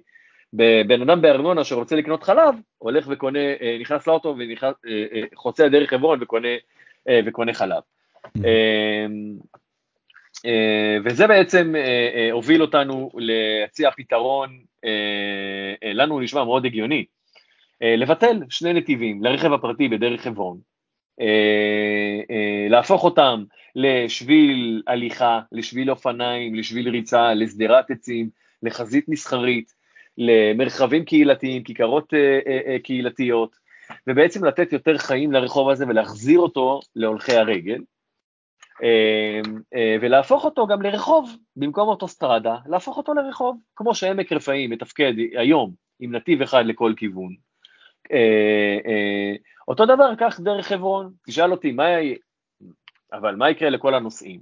כן, הרי כל ה... יש שם תנועה מאוד גדולה של מכוניות פרטיות, אז אחד, אנחנו עושים רכבת קלה, בשביל מה אנחנו עושים רכבת קלה? בשביל שיעברו אליה, נכון? שתיים. הרי אם, אם אנחנו ככה נותנים קונוטציה לאזור הזה של ירושלים, דרך חברון היא בעצם כביש 60 ההיסטורי, שמגיע נכון. מחברון. Uh, והיום, uh, רק לא מזמן, סיימו, כבר סיימו להגדיל את כביש המנהרות שמה, שמוביל אליה. קודם כל האריכו את בגין, זה קודם כל. נכון, עד לשם. בעלות של שניים וחצי מיליארד שקל, העריכו את בגין עד לגוש עציון. סיימו לא מזמן. זאת אומרת שכבר היום, סיימו, זאת, זאת אומרת שכבר היום, הכביש בגין משך הרבה תנועה מדרך חברון, כן? אה, אתה אומר, הוא אלטרנטיבי לדרך חברון. הוא אלטרנטיבי לגמרי, זה בדיוק מה שהוא עושה, הוא כביש בין עירוני בתוך העיר. דבר שני, אה, אה, אה, דר, אה, הכביש 60 ההיסטורי שאתה מדבר עליו, הוא בכל מקרה הופך לנתיב אחד, בכיכר צה"ל. נכון. הוא צוואר בקבוק, כאילו, אז זה לא בגין שיש לך את האוטוסטרדה לכל כיוון, כן? דרך חברון גם, הוא לא לוקח אנשים לתוך מרכז העיר, כי מרכז העיר, יש בה יותר נתיבי תחבורה ציבורית ופחות אה, הנגשה של רכב פרטי לתוכה. במילים אחרות, דרך חברון הוא ציר היסטורי שכבר נמצא בירידה. עכשיו, אם אנחנו לא נטפל בו עכשיו... נכון, אה, זה נכון אולי. האמת, אתה יודע, אני גם בלונדון, אני גר ליד ציר היסטורי שיוצא מלונדון לכיוון יורק ואז לאדינברו. זה, וזה עד היום ציר יותר מדי מכוניות. יש משהו, זה אומנם uh, נתיב אחד, זה רחובות מסחריים, כי זה, זה ציר היסטורי. Uh, אבל אה, יש, יש נת"צ, כאילו זה לכיוון אחד, כן יש נת"צ ויש משהו כמו שלוש או ארבע נתיבים לרכב פרטי, והם אה, גם, זה, הם אה, לא מצליחים לגמול את האנשים, כי גם קצת הכל סביב רכב פרטי בכל האזור הזה. והאזור הזה הוא ממש בעיה של זיהום, בעיה של כאילו לא אוויר, מבחינתי כרוכב אופניים, אני תמיד מנסה לא, פשוט לא לעבור שם, כי אני שונא את הציר הזה. זה מרחיק אותך, זה לא ייאמן. כאילו, תראה מה זה עושה, זה מרחיק אה, הולכי רגל, זה מוביל אותנו לדבר הבא, כן? והוא שבדרך חברון אין עסקים. אין עסקים. כאילו, רק ביולי-אוגוסט, אה, אה, חנות אחת של גלידה אה, מוציאה שולחנות החוצה בצומת הבנקים, וזהו. אין שום בית קפה, שום אה, אה, אה, אה, התרחשות עסקית, בציר כל כך מרכזי בעיר. לעומת זאת, בוא נלך ל... לרחוב ההפוך לגמרי מדרך חברון, אה, רחוב יפו בירושלים, אין שם אפילו רכב פרטי אחד, כן? ועדיין רחוב יפו בירושלים הוא הרחוב הרווחי ביותר בעיר. פדיון העסקים למטר רבוע הוא הגבוה ביותר בעיר, לא רק בעיר, בישראל הוא הרחוב השני בדירוג הרחובות הכלכליים. אחרי דיזינגוף בתל אביב, לפני כיכר המדינה, לפני רוטשילד, לפני אחוזה ברעננה, רחוב יפו בירושלים. למה? מה הקסם שלו? הוא... גרים לידו עשירים? אה, הוא במרכז העיר, כאילו הוא, הוא בין אה, כאילו כל האזור הזה של גשר המיתרים ומרכז העיר לבין העיר העתיקה, עליו יש כל מיני אטרקציות גדולות כמו שוק מחנה יהודה, מדרחוב בן יהודה והרבה מהשכונות רחביה וכאילו יש עליו הרבה, אני יכול להבין למה הוא מאוד מרכזי והוא טוב, אני מסכים איתך, הוא עובד למרות שאתה יודע לפעמים אני לא מזמן הייתי בירושלים ואני הגעתי למסקנה שכאילו בסופו של דבר אמ, אני לא יודע להגיד מה זה אה, כאילו הרבה מהחנויות שם זה כזה חנויות יום יום גם אה, אה, אולי שם התיירות עובדת מאוד חזק הוא כזה רחוב מסחרי מוצלח כן באמת זה מה שהסטטיסטיקה אומרת. זה מה שגלובס ודה מרקר אומרים מדי שנה כשהם בודקים את הרחובות המסחריים בישראל ביחד עם כלכלנים. עכשיו זה יותר מוזר ממה שאתה מדמיין, כי רחוב יפו גובל בחלק המזרחי שלו, בעיר העתיקה ובמזרח העיר, וזה אוכלוסייה ערבית, אין לה הרבה כסף. החלק הצפוני שלו גובל בשכונות החרדיות, גם להם אין הרבה כסף. נכון. החלק הדרומי שלו גובל בשכונות מתחרדות, אוקיי? ובכלל, ירושלים היא עיר שנמצאת בעשירון התחתון, מבחינת הדירוג הסוציו-אקונומי של התושבים שלה, ועדיין, מירושלים דווקא, למה? כי ברחוב יפו יש הולכי רגל ואין רכב פרטי. ובדרך חברון, כשאדם נוסע ברכב הפרטי שלו, הוא לא יכול לקנות שום דבר, הוא אפילו לא, לא יכול לשלוח, לא יכול לעשות כלום. אבל כשאתה אה, נוסע בתחבורה ציבורית, ואתה כן. יורד מהתחבורה הציבורית, ואתה משוטט בעיר, ואתה הולך בה, אתה כדורית אה, אה, אה, דם לבנה. אתה חלק מהחמצן של העיר. אתה, אתה קונה, אתה, אתה צורך, אתה, אתה חי אותה. וזה גם אה, אה, אה, אם שוב נלך להשוואה עם 6 אז שם הרבה מהמרקם של המרקם העירוני שם הוא מהמאה ה-19 יש שם סמטאות טובות כל הנחלת יהודה והמקומות האלה. וכאן יש לך בדרך חברון זה אזורים שפותחו אני חושב באזור שנות ה-70 הרבה שכונות ארנונה. יש לך כאן הרבה עדיין שכונות שיכונים יכול להיות שמה שאת כאילו ואין לך כאן חזית מסחרית להפך אני אה, בדיוק מסתכל בגוגל סטריט ויו ורואים שלפעמים יש לך חומה חומה לכביש כאילו חומה נכון, נכון. לכביש אז איך, אה, איך אתה מייצר חזית מסחרית וזה בעצם מה שאתה מציע כאן תוכנית הרבה יותר גדולה להתחדשות עירונית סביב דרך חברון. או בדיוק שים לב איך מערכת היחסים בין הולכי רגל לרכב פרטי ברגע שאנחנו קצת משנים אותה, כן, מה בסך הכל הצענו? לקחת כמה מטרים, היא מתחילה לדבר אחרת על כל הרחוב הזה. בארצות הברית, בברוקלין, אה, אה, עשו בכמה רחובות אה, דיאטת כבישים, זה המונח המקצועי, mm-hmm. וגילו שפדיון העסקים ברחובות האלה, מחזור העסקים צומח מדי שנה ב-20 אחוז. כן? זאת אומרת שבתוך חמש שנים אנחנו מדברים על הכפלה של, אה, אה, אה, של תנועת העסקים במקום, הכפלה של מספר העובדים, כן? הכפלה של הכל, כל הרחוב הופך למשהו חי, למשהו שמייצר עבור התושבים שלו, עבור העירייה, עבור העסקים, עבור, עבור מושך יזמים, זה אה, מביא איתו ברכה מאוד גדולה. עכשיו, דרך חברון הולכת לעבור ברכבת קלה. עיריית ירושלים מעודדת בנייה לגובה בסמוך לצירי רכבת קלה. מגדלים בגובה של 30 קומות, כולל בדרך חברון. העירייה כמעט לא לוקחת בחשבון את הפגיעה הנופית שזה גורם, וזה גורם לפגיעה נופית אה, אה, אה, קיצונית ב, אה, אה, במראה שנשקף מהר הצופים למשל. אה, אבל הם מעודדים את הבנייה, את, ה, את הבנייה הזאת. זאת אומרת, קודם כל, מה, יש לנו מגדלים. כמעט... מגדלים. יש לנו כמעט 20 אלף יחידות דיור חדשות לכל אורך דרך, לכל אורך דרך חברון, כולל גבעת המטוס, שכונה חדשה ש, אה, ש, שישראל מתכננת. זאת אומרת שקודם כל כמות האנשים שגרים לאורך הציר הזה ותשתמש בציר הזה הולכת לגדול באופן דרמטי, דרמטי, אוקיי? ומהצד אה, אה, השני, ככל שאנחנו ניתן להם את חלופת התחבורה הציבורית, אה, נספק להם יותר תשתיות הליכה וספורט ודברים מהסוג הזה, אנחנו נראה יותר פריחה כלכלית ברחוב. כן, על חשבון רכב פרטי.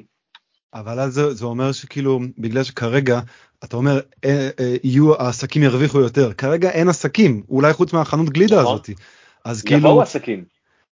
אה, צריך אבל לתכנן קומה מסחרית אה, ראשונה נכון, שם נכון, חייב נכון, לבוא ביחד עם נכון, שימושי קרקע. נכון נכון צריך לעשות עירוב עסקים נכון. שאלה נוספת יש שם הרי בעצם אנחנו מדברים כאן על הקו הכחול הקו הכחול הוא, הוא בעצם מגיע מהאזור של הקו האדום איפה שהיום בצפון הרכבת הקלה ואז הוא יורד נוסע דרך רחביה. זה בעצם הוא ה... נוסע ממש ברחובות הראשיים של ירושלים הוא יורד בקינג ג'ורג' הוא יורד בקרן היסוד והוא מתחבר לדרך חברון דרך מתחם התחנה. בדיוק ואז משם ממשיך עד גילו. נכון. אה, מתוכנן חניונים, כל האטרף חניונים של ירושלים, שמה למשל, אם מישהו מגיע מאזור גוש עציון, רוצה להחנות ואז לקחת את הקו הכחול, הוא יכול? כן, מתוכננים כמה חניונים, גם ליד הר חומה, גם ליד מחסום 300, חניוני חנה וסע, גם לאוטובוסים מתוכננים שם מסופים. הבנתי. זה דווקא מקום שכן צריך להיות בו חניון למשל. זה כן. מקום שכן צריך להיות בו חניון, כל עוד זה נמצא בשולי כאילו העיר ולא בתוך העיר. נכון. אבל כמו שאתה אומר כבר אה, כל אה, האזור הזה הוא מרחב אורבני אחד אה, גדול. כאילו בעצם ירושלים מחוברת לבית לחם אורבנית. יש לה את גדר ההפרדה מהצד השני שממש כן. מנתקת. זאת אומרת זה נכון ירושלים היא טריקית היא מחוברת אורבנית אבל היא גם כל שכונה היא עיר בפני עצמה. גילו 50 אלף תושבים פסגת זאב עם 50 אלף תושבים. כל עיר היא כל שכונה פה היא, היא מסה היא אדירה לכן, כן, לכן, כן צריך נת"צ בכביש 16. רגע, אז שאלה, אה, אה, כשהקו הכחול יעבור בדרך חברון, אז החתך רחוב שמתוכנן זה פשוט אה, שני הנתיבים שכיום באמצע נת"צ, אז אותם יהפכו וישאירו מה שני נתיבים לכל כיוון לרכב פרטי, זה מה שהם רוצים. ומה שאתם מבקשים, רכבת קלה באמצע, ונתיב אחד לרכב פרטי ונת"צ? לא, אנחנו מבקשים לא. דבר מאוד פשוט. כביש נתיב לכל כיוון, אוקיי? מהצד כן. המזרחי, אה, כביש נתיב לכל כיוון. באמצע, אה, אה, רכבת קלה, נתיב לכל כיוון. כן. ואז במקטע הדרומי, שביל הליכה, שביל אופניים, חזית מסחרית, עצים, זה הרעיון. הבנתי, נשמע טוב. בסופו. של דבר, תראה, בסופו של דבר, מה אומר כאן ההיגיון? ההיגיון אומר דבר מאוד פשוט. המרחב, הרחוב הוא משאב מאוד מאוד מוגבל, מאוד מוגבל. בואו נחלק אותו בצורה יותר הוגנת. עכשיו אנחנו גם בדקנו נתונים, בדקנו כמה משתמשים היום בדרך הזאת בשעות העומס, ובשעות העומס משתמשים כ-5,500 נוסעי תחבורה ציבורית וכ-1,600 נהגי רכב פרטי. פי שתיים. אוקיי? זה אומר ש... זה יותר פי שתיים, אנחנו 80 אחוז. אנחנו הרוב המוחלט, אוקיי? Mm-hmm. אנחנו 80 אחוז ואנחנו מקבלים 33 אחוז מהדרך. זה לא הגיוני.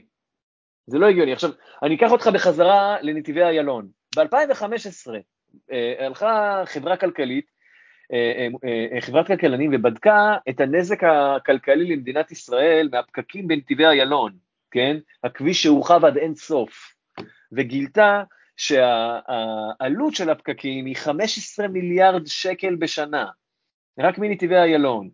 סך הנזק הכלכלי למדינת ישראל באותה שנה מהפקקים נאמד בכ-30 מיליארד שקל, אוקיי? אז 15 מיליארד הנזק מנתיבי איילון, חצי, חצי מהנזק לכלל מדינת ישראל הוא רק מהכבישים של נתיבי איילון.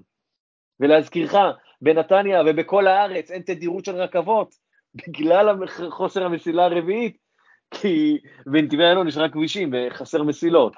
אז שוב, אנחנו, בסופו של דבר אנחנו צריכים להבין שכשאנחנו נותנים את זה לרכב הפרטי, אנחנו נקבל עוד פקקים. עכשיו, זה גם שוב, זה מגובה במספרים, 300 אלף מכוניות חדשות עלו לכבישי ישראל ב-2021. אחד, כן.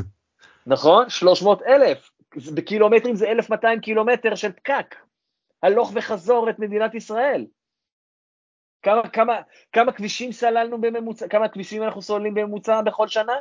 עם 1,200 קילומטר הפקק אנחנו סוללים רק 150 קילומטר כבישים בשנה. וגם הכבישים שאנחנו סוללים, איפה אנחנו סוללים אותם? איפה? בדיוק. כאילו אנחנו אז... מוגבלים בכמה אנחנו יכולים עוד לסלול כבישים בתוך ירושלים ובתוך תל אביב. Uh, תגיד, אתה כבר מכיר אז עכשיו uh, בגלל המאבקים, אתה מכיר את ירושלים כבר תקופה, ויש איזושהי סברה, אני לא רק ככה מה שאני עוקב uh, בעיקר בטוויטר ואולי גם קורא כתבות, שאומרים שמשה ליאון, שעכשיו יתמודד עוד. שנה הבאה, הוא כזה נתפס כמישהו שעשה איזה סוויץ', לא? הוא מבין את הדברים האלה. לעומת לופליאנסקי וניר ברקת, שהיו מנותקים מהדברים האלה לגמרי, אם אני מבין נכון, או שזה פרשנות לא נכונה? דווקא ליאון מאוד מקדם רכב פרטי, ליאון מאוד מקדם את מדיניות הגם וגם. וליאון אומר, אה, אומר לנו גם למשל בדרך חברון, תראו, אחרי שתהיה רכבת קלה והנוסעים יעברו לרכבת הקלה, אז אנחנו נעשה את פארק אה, דרך חברון, דהיינו באזור 2035 2000, אה, וצפונה. ליאון מקדם חניונים בכל רחבי העיר, ממש, כן. ממש מקדם חניונים שהם ריקים, הם נשארים ריקים, כן? Uh, כי אנשים, כי הוא לא אוכף גם עבריינות מדרכות, אנשים חונים מתחת לבית, אומרים, אני רוצה לחנות מתחת לבית שלי. כל אחד רוצה לחנות מתחת לבית שלו, יש לו זכות, אני לא יודע מתוקף מה, והוא uh, uh, לא, ליאון לא, לא מעודד את, ה, את האכיפה. הוא מקדם את החניונים, אז קווי, לומר שעיריית ירושלים תחתיו, או אגף התחבורה בעירייה מקדם תחבורה ציבורית, אני מתקשה לומר את זה, גם בגלל שאני רואה יותר תחנות אוטובוס מבוטלות. אה. נכון, אבל שוב, הרק"ל זה לטווח הרחוק. כבר היום בירושלים 600 אלף נסיעות מדי יום מתרחשות בתחבורה ציבורית. אוטובוסים. אוקיי? באוטובוסים, חצי מיליון באוטובוסים. מגיע כבר היום אה, אה, אה, למי שנוסע באוטובוס לקבל עדיפות. לא הגיוני למשל שכביש בגין אין בו נת"צ. לא הגיוני שמי שנוסע מגילו לתחנה המרכזית, אין לו נת"צ על כביש בגין, זה בלתי נתפס, זה באמת בלתי נתפס. כן, אז גם נת"צ על כביש אה, בגין. ברור שצריך נת"צ על כביש בגין, בכל מקום שיש בו פקק צריך נת"צ, זה הכלל. הכלל הוא מאוד פשוט, אם יש בו ביקוש לנסיעות, ואתה רואה את זה באמצעות הפקק, אז הוא מצריך נת"צ. הרעיון הוא לא לשים נת"צ בכביש ריק, כי לא עשיתי בזה שום דבר, הרעיון הוא לשים נת"צ בכביש פקוק, בשביל לאפשר את המהירות של, אה, אה, של האוטובוס. אז אה, אני חושב שאני כאילו אני חוסר הסכמה שלי עם זה כאילו ואני גם אני לא יודע אם אני צודק או לא אני אגיד את האמת אבל כאילו אני אומר אוטוסטרדה בלב העיר היא מקום שהרי משתמש תחבורה ציבורית וזה הרבה פעמים אני מרגיש שבישראל שוכחים מדברים על תחבורה ציבורית משתמש בתחבורה ציבורית הוא הולך רגל הוא תמיד יהיה הולך רגל כי הוא מגיע לתחבורה הציבורית והולך מהתחבורה הציבורית ברגל. או לא יודע אם רוצים לדבר על קורקינטים אבל קורקינט זה סוג שברגל.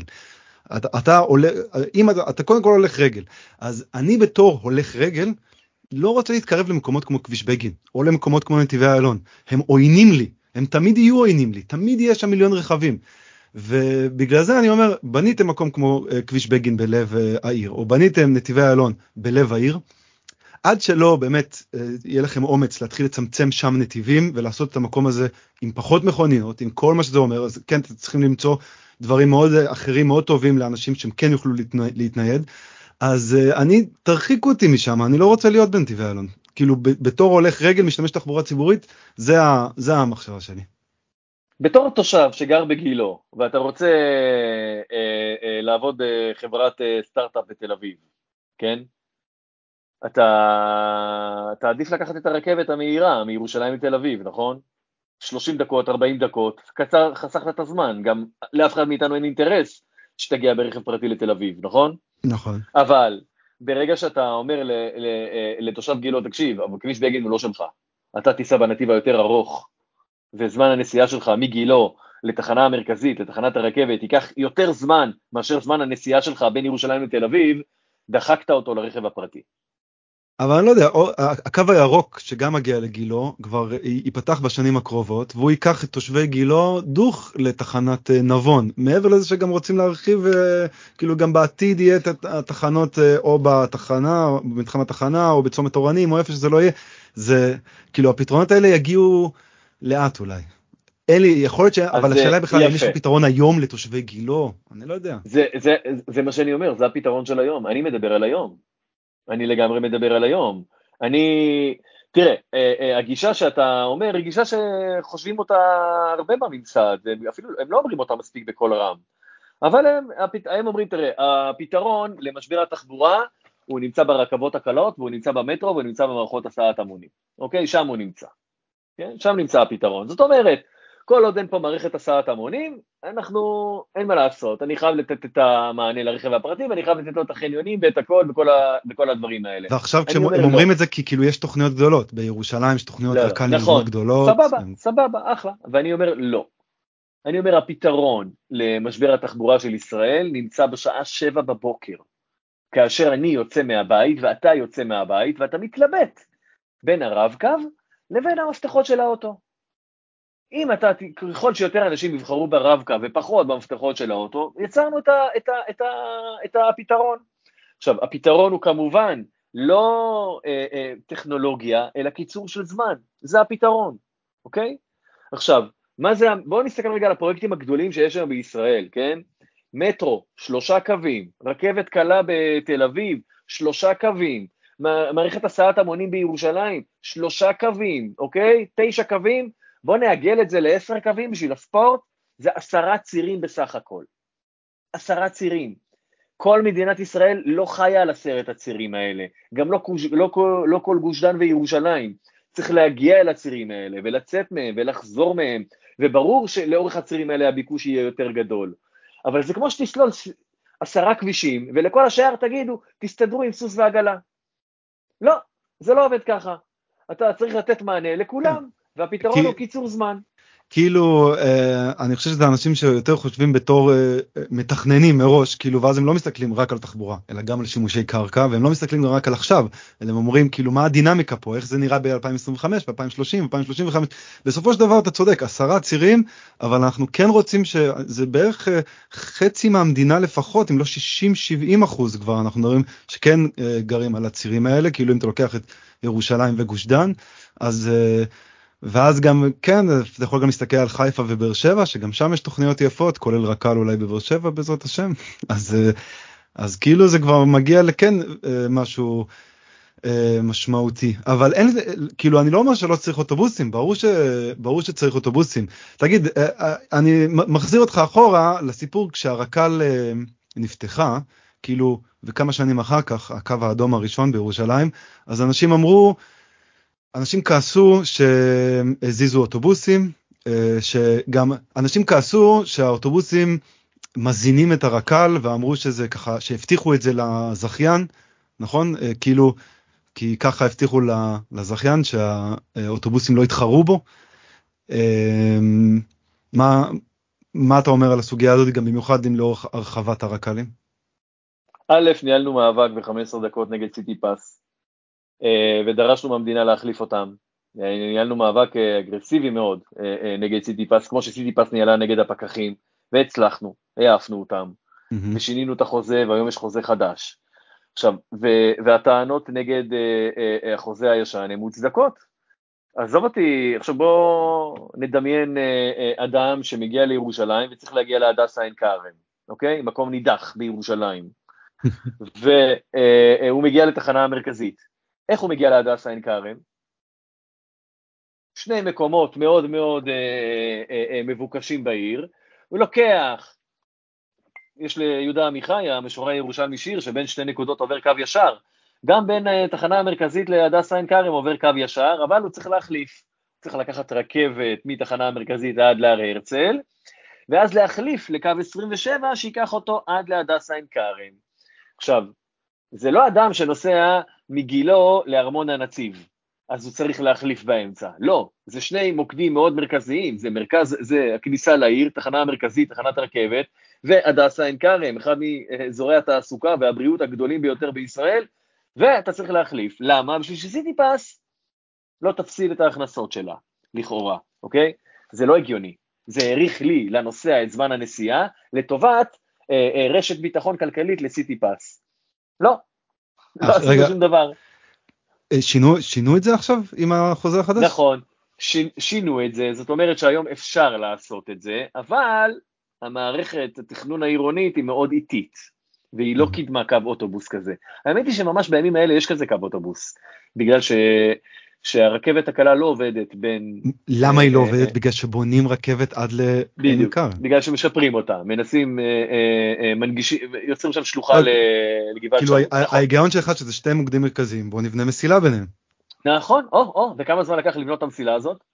מיליון, לא יודע כמה זמן. יותר מעשר שנים, תבין, כאילו, יותר מעשר שנים. אם אתה בודק את קצב הנחת המסילות בירושלים, אתה תקבל מטרים בודדים מדי יום. מטרים בודדים מדי יום, זה מגוחך, כאילו, זה באמת, זה פרויקט ש... בסוף שנות ה-90 הבטיחו ליר- לירושלמים שמונה קווי רכבת קלה מלאים עד 2020. עד 2020 לא היה אפילו קו אחד מלא. קיבלנו את כביש אוקיי. 16. בדיוק, כאילו, אז... אה, אגב, זה ייפתח עוד מעט, לא? זה נפתח, עכשיו הודיעו שיש נכון, איזה נכון. זה, אבל עוד מעט. נכון, נכון, כשהמאזינים שלנו יקשיבו לפודקאסט, כביש 16, אני, לצערי כבר יהיה עובדה. אה לא, אני לא. מדבר על כביש 16, אני מדבר על הערכה לבית יעקב, באר יעקב, והערכה לבית חולים. הערכה של הרכבת. ההערכה הקלה. לבית חולים הייתה אמורה להיות עכשיו, בגדול, בסוף ב-2021 הם אמרו שזה יהיה השנה, זה לא יקרה, אולי זה יקרה בעוד שנה. תשמע, יש גם בחירות אה, לראשות העיר, אז אה, יש גם אינטרס של ראש העיר שזה יעבוד. אני חושב שגם אה, ליאון וגם אה, חולדאי, כל אחד בגזרה שלו מאוד לוחץ ש... שהרכבת הקלה כבר אה, טוב מאוד. תפעל. כן. אה, אבל סיטיפס הייתה חברה לא טובה, כי היא לא העמידה את הנוסע במרכז, אלא היא העמידה את הצרכים הכלכליים של החברה במרכז, וזאת הייתה הבעיה איתה. וטוב שהיא אה, אה, אה, חלפה, והיום, היא, והיום לא מדובר בחברה ש, שאסור להתחרות איתה, אלא שיטת החוזה היא שונה. והיום המפעיל, היום זה לא זכיין אלא מפעיל. הבנתי. אה, אוקיי, ול- ולגבי דרך חברון, אז בינתיים אתם מנהלים מאבק לגבי דרך חברון, לעשות שם את אה, מה שאתם אה, רוצים עם, שבילים וכאלה, אז מה, מה הסטטוס של זה? אתה אמ- אמרת לגבי שליאון אה, בגדול מבטיח לכם את זה לעתיד.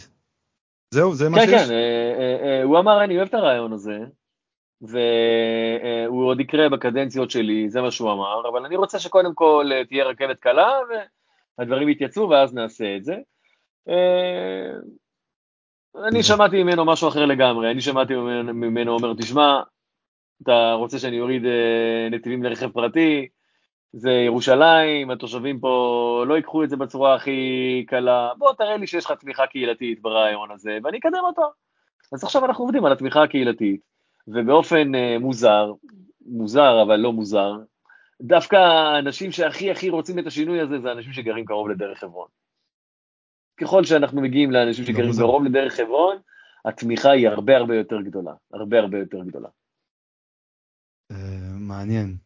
טוב, מעניין מאוד אה, מה עוד יקרה אצלכם. הקו, הקו הכחול הזה, הוא עכשיו נכון, כאילו, עבר מכרז, לא? הוא, הוא עומד לקרות, כאילו. הוא עכשיו הכחול. בשלבי מכרז, כן, הוא בשלבי מכרז מתקדמים, הוא עבר את ה-PQ, אני לא בטוח שנבחרה חברה, לא נראה לי שנבחרה חברה עדיין, לא, אולי הוא פשוט אמ, תוקצב עכשיו על ידי משרד התחברה, אז כאילו כבר הם יודעים נכון, שהם אבל יש. איתו, אה, אה, יש איתו התקדמות, הקו הכחול הוא גם אה, קו שממשיך צפונה לתוך, לתוך רמות, לשכונות החרדיות ו, ול, ולרמות. ותסתכל אגב גם על ה...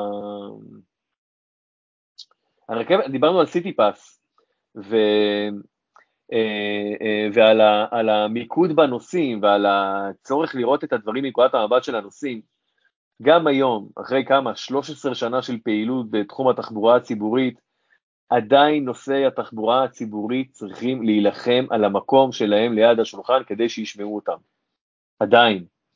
אנחנו, עדיין אין חוק זכויות נושאי התחבורה הציבורית, עדיין אין רשויות מטרופוליניות, עדיין מערך התחבורה הציבורית בישראל נקבע בירושלים במשרד התחבורה, ולא על ידי העיריות ולא על ידי רשויות מטרופוליניות. אנחנו נמצאים במצב אבסורדי לגמרי, אבסורד לגמרי. ראש עיריית ירושלים הקודם, ניר ברקת, הצליח להביא לירושלים כרישים וים ולבנות אקווריום ליד הגן החיות, כן? זה האקווריום הגבוה ביותר בעולם והרחוק ביותר מהים שקיים, כן? וכרישים התחשמלו שם למוות, היו תקלות אינסופיות, ובסוף יש, יש אקווריום, האקווריום פועל. Okay. אפילו העירייה הציבה עמוד של דגל מחוץ לאקווריום, שיבוא אוטובוס, אבל זה לא בסמכות העירייה להביא אוטובוס. לקח עוד שנתיים עד שקו אוטובוס הגיע לשם. זה מגוחך. ראש עיר יכול להחליט איפה יהיו אזורי תעסוקה, איפה יהיו אצטדיונים, אבל איפה יעבור קו אוטובוס, הוא לא יכול. הוא צריך ל- ללכת ולהתחנן במשרד התחבורה. כל עוד המרחק בינינו, נושאי התחבורה הציבורית, לבין האנשים שמפעילים, שמקבלים את ההחלטות על התחבורה הציבורית, הוא כל כך רחוק, הוא כל כך רחוק, הפערים האלה יישארו גדולים, המענה של המערכת לצורך של הנוסע הוא מגיע בדיליי ובעיכוב מאוד מאוד גדול. אה, אה, אה, וכולנו משלמים את המחיר, כולנו משלמים את המחיר, וזאת החלטה פוליטית. העובדה שאין רשויות תחבורה מטרופוליניות, זאת החלטה פוליטית שחייבת להשתנות, ו- ו- ופה אין ימין ושמאל. שרים מימין ומשמאל, טרפדו את זה. טרפדו את זה בשביל להשאיר את הכוח הפוליטי בידיים שלהם. זו דוגמה קלאסית לאיך פוליטיקה והרעב שלה לכוח פוגעים בציבור. וזה לא משנה אם אתה חרדי ואם אתה אה, אה, ערבי ואם אתה אה, עשיר ואם אתה... לא משנה. אתה נפגע בגלל המרחק הגדול הזה. נסה להגיש תלונה לתחבורה הציבורית על אוטובוס שלא הגיע. תראה מה קורה לך. כאילו, תוך כמה זמן תקבל תשובה, אם בכלל. והיום כל אחד יודע איפה נמצא כל אוטובוס באמצעות ה-GPS שלו. כאילו, המערכות גם פתוחות.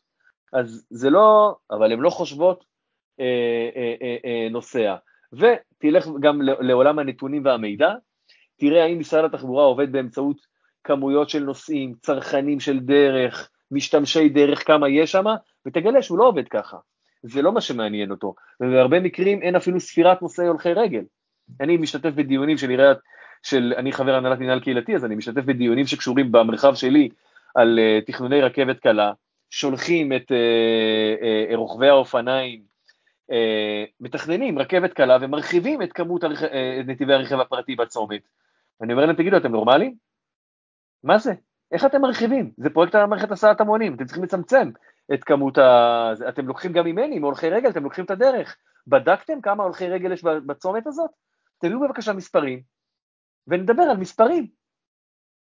ואין להם מספרים של הולכי רגל, וזה לא הגיוני שמתכננים את צמתים ודרכים ורחובות בישראל, בלי לקחת את הולכי הרגל אה, אה, אה, בחשבון. ו... אבל זה, זה הולך להשתנות, ברחובות שלנו. אז אתה אופטימי. אני תמיד אופטימי, אם אני לא אהיה אופטימי אין לי מנוע. אין לי דלק, הדלק שלי זה רק האופטימיות. רגע, ברחובות שלנו אתם רוצים להיות רק ירושלמים או שאתם גם כל הארץ? לא, לא, ארציים, ברור. יש לנו כבר היום קבוצות פעילות בחיפה, בראשון, בתל אביב. אתה, אני עובד בירושלים בשכונות הוותיקות של העיר, כן? שהוקמו אה, אחרי קום המדינה, הן לא כאלה ותיקות. והעירייה טוענת שיש בהם מצוקת חניה כי הם לא תוכננו נכון או משהו כזה. מצד שני, אני, יש לנו קבוצת פעילים אה, בראשון, בשכונה חדשה שמאוכלסת בימים אלה, והם לא מפסיקים להתלונן על חניה על מדרכות.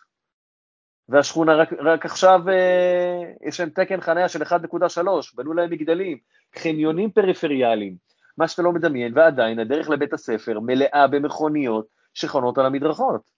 כן.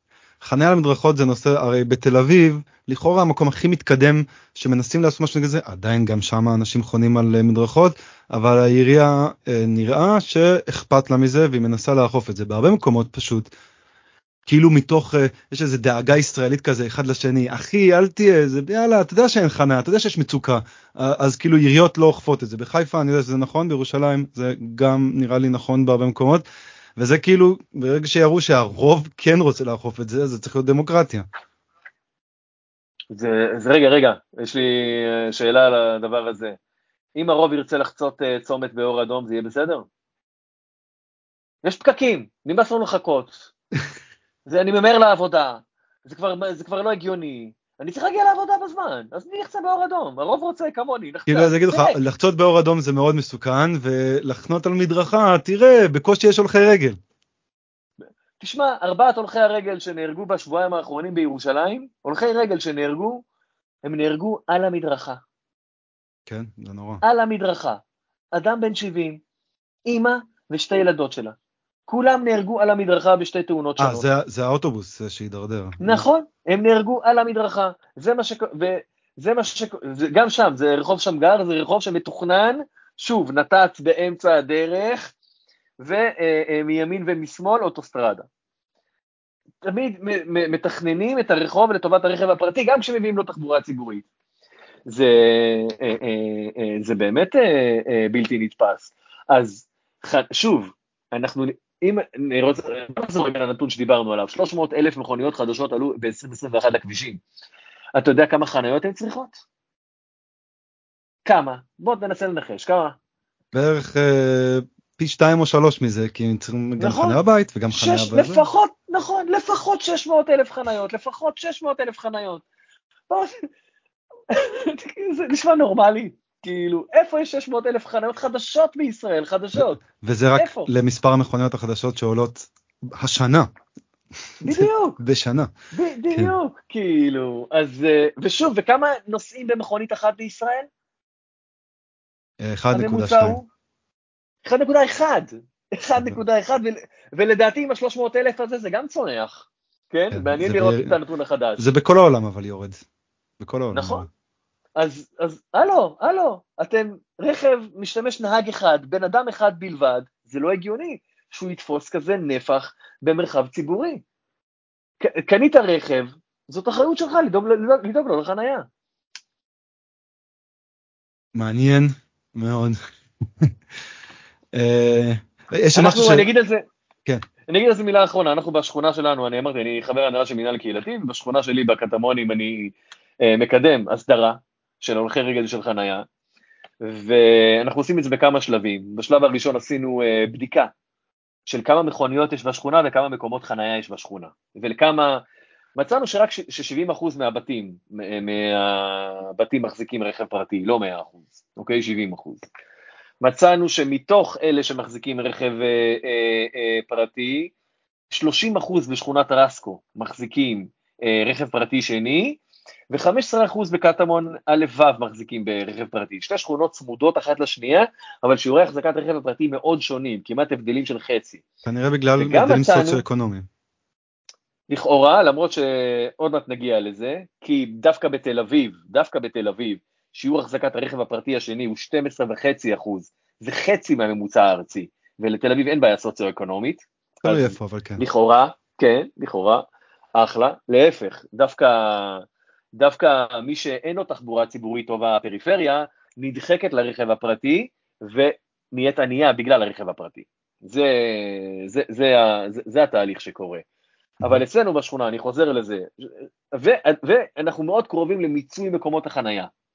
עדיין יש מספיק מקומות חנייה תקניים לכולם, יש מספיק, יש חניונים ריקים, יש בניינים עם חניונים תת-קרקעיים ריקים, לא חונים בהם, הם כולם חונים על תחנת האוטובוס ממול הבניין, ולא חונים בחניון התת-קרקעי שלהם, אבל, אבל יש היום מספיק חנייה לכולם, בלי חנייה על מדרכות, ועדיין מרביצים חנייה על מדרכות וה, והעירייה לא אוכפת. אנחנו עושים הליך מול התושבים, הליך של שיתוף ציבור, אנחנו גם מציגים להם את הנתונים, אנחנו גם מביאים אנשים משני הצדדים, מביאים אנשים עם מוגבלות שיבואו לדבר, מביאים אנשים עם מצוקת חנייה שיבואו לדבר, ואנחנו מנסים למצוא את האיזונים, נתנו להם גם כמה אופציות לתושבים, מה אתם רוצים, כן? אחד, תשלום כל הזמן על חנייה, כל הזמן תשלום על חנייה, אבל מנוי, אה, מנוי מוזל לתושבי השכונה. אה, שתיים, תו חנייה אחד לכל דירה, רכב שני, לך תסתדר, תשלם. שתיים, סליחה- אה, סליחה על הבורות, אבל יש הנחה לתושבים כבר היום לחנייה בירושלים? זה כמו בתל אביב? לא. יש לך היום שעת חנייה חינם במרכז העיר. כאילו שעת חנייה חינם בכחול לבן או משהו כזה, אבל זה לא, לא כזה דרמטי, זה חמש וחצי שקל או משהו. תל אביב יותר מפרגנת בחנייה לתושבים שלה. בגדול כן. בתל אביב כאילו כחול לבן יותר, חופשי. היא, יותר, היא יותר מנהלת, אבל היא, לכל אלה שבחוץ היא גובה. כן. כן, ופה זה אללה בבעלה, בואו כולכם תחנו איפה שבא לכם, אף אחד לא יודע מאיפה באתם ול, ולמי אתם, אוקיי? וזה גם שונה משכונה לשכונה. נתנו להם עוד אופציה לשתי תווי חנייה לדירה, ואמרנו עוד אופציה זה, תמשיכו אללה בבעלה, חניות, ובואו נפתח עוד חניות, על שטחים ירוקים ועל שטחים חומים, תבחרו מה אתם רוצים, אוקיי? 50 אחוז, החלק הארי, בחר בתו חנייה אחד לדירה. זאת אומרת, שמה ש... מה אנחנו הולכים לעשות? המטרה שלנו היא להוביל להליך שבו לכל דירה יהיה תו חנייה אחד לחנייה ברחוב שלה, וזהו, קנית עוד רכב, תשלם. אוקיי? או תחנה בחניון פריפריאלי, או תחנה רחוק ותלך קצת, אה, אה, תחנה קצת ברגל. כאילו, גם אנחנו בודקים אנשים, הם, הם עשינו, אנחנו עושים כנ- כנסי שיתוף ציבור, ואנשים טוענים, אין לי חניה ברחוב, אין לי חניה ברחוב, ואז אנחנו מראים להם צילומים שצילמנו אתמול בערב, במרחק של חמש דקות מאיפה שאתה גר. הנה, תראה כמה חניה יש. אין מצוקת חניה, יש מצוקת הליכה, אתה לא רוצה ללכת. כן. אבל בסוף, הפתרון הוא באמת לנהל את החנייה במרחב, ולא לאפשר לכולם בלי הפסקה, ובכלל לנהל את כל אה, אה, אה, מה שאנחנו נותנים לרכב הפרטי, נתיבים, חניות, מרחבים, כמה שיותר לנהל אותו ולצמצם אותו, כי זאת בעצם הדרך היחידה גם לא למנוע את העמקת משבר התחבורה מצד אחד, ומצד שני גם לעודד חלופות, כמו תחבורה ציבורית וכמו הולכי רגל, כי תמיד אומרים, קודם כל תהיה תחבורה ציבורית, ואז לצמצם את הרכב הפרטי, אבל לא, אתה לא יכול לעשות תחבורה ציבורית טובה כשהרכב הפרטי הוא כל כך uh, עמוס, בדיוק. לגמרי. Uh, אבל אתה אופטימי. אופטימי, תמיד. זה מה שחשוב. Uh, משהו, uh, תשמע, uh, אני חושב שזה כבר לא לשיחה, אבל משהו שלא דיברנו עליו, אני, מבחינתי זה לא כזה קריטי, תגיד לי, אתה אם זה קריטי, לא דיברנו על הנימבי בקו הכחול בעמק רפאים. אבל... אני אתן לך איזה, שתי דקות ותנסה להכניס את זה פנימה. אוקיי. אוקיי. כאילו... תראה, בעמק רפאים, אה, אה, אנחנו קידמנו אה, מעבר של הרכבת הקלה בעמק רפאים, תוך, תוך צמצום רכב פרטי ברחוב עמק רפאים, ונתקלנו בשני סוגי, בשני סוגי התנגדויות. מוצ... אחד, זה תושבים ותיקים שמאוד פחדו לפגיעה במראה של הרחוב, הם פחדו בעיקר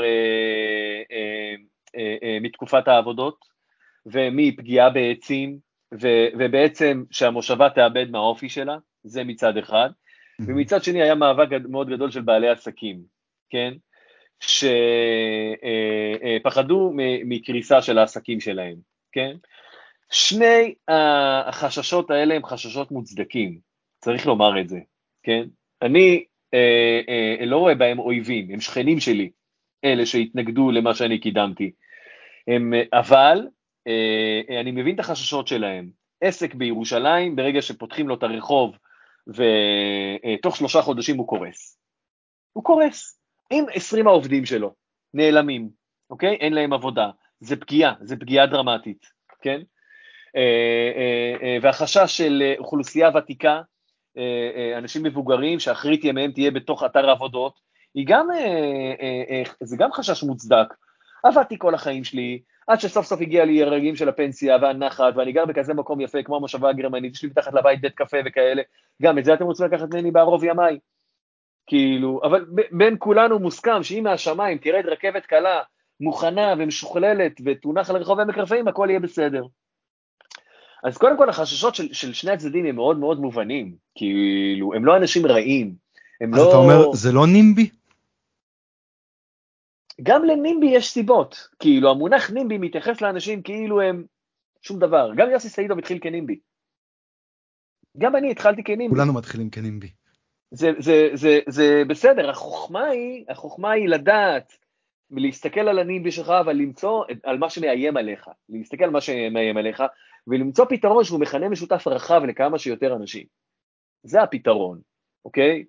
וברגע שאתה חושב רק על הרכב הפרטי שלך, אתה, אתה לא יכול להיות שותף לעוד מישהו עם אותה בעיה, כי אתם בעצם מתחרים על אותו משאב, כן?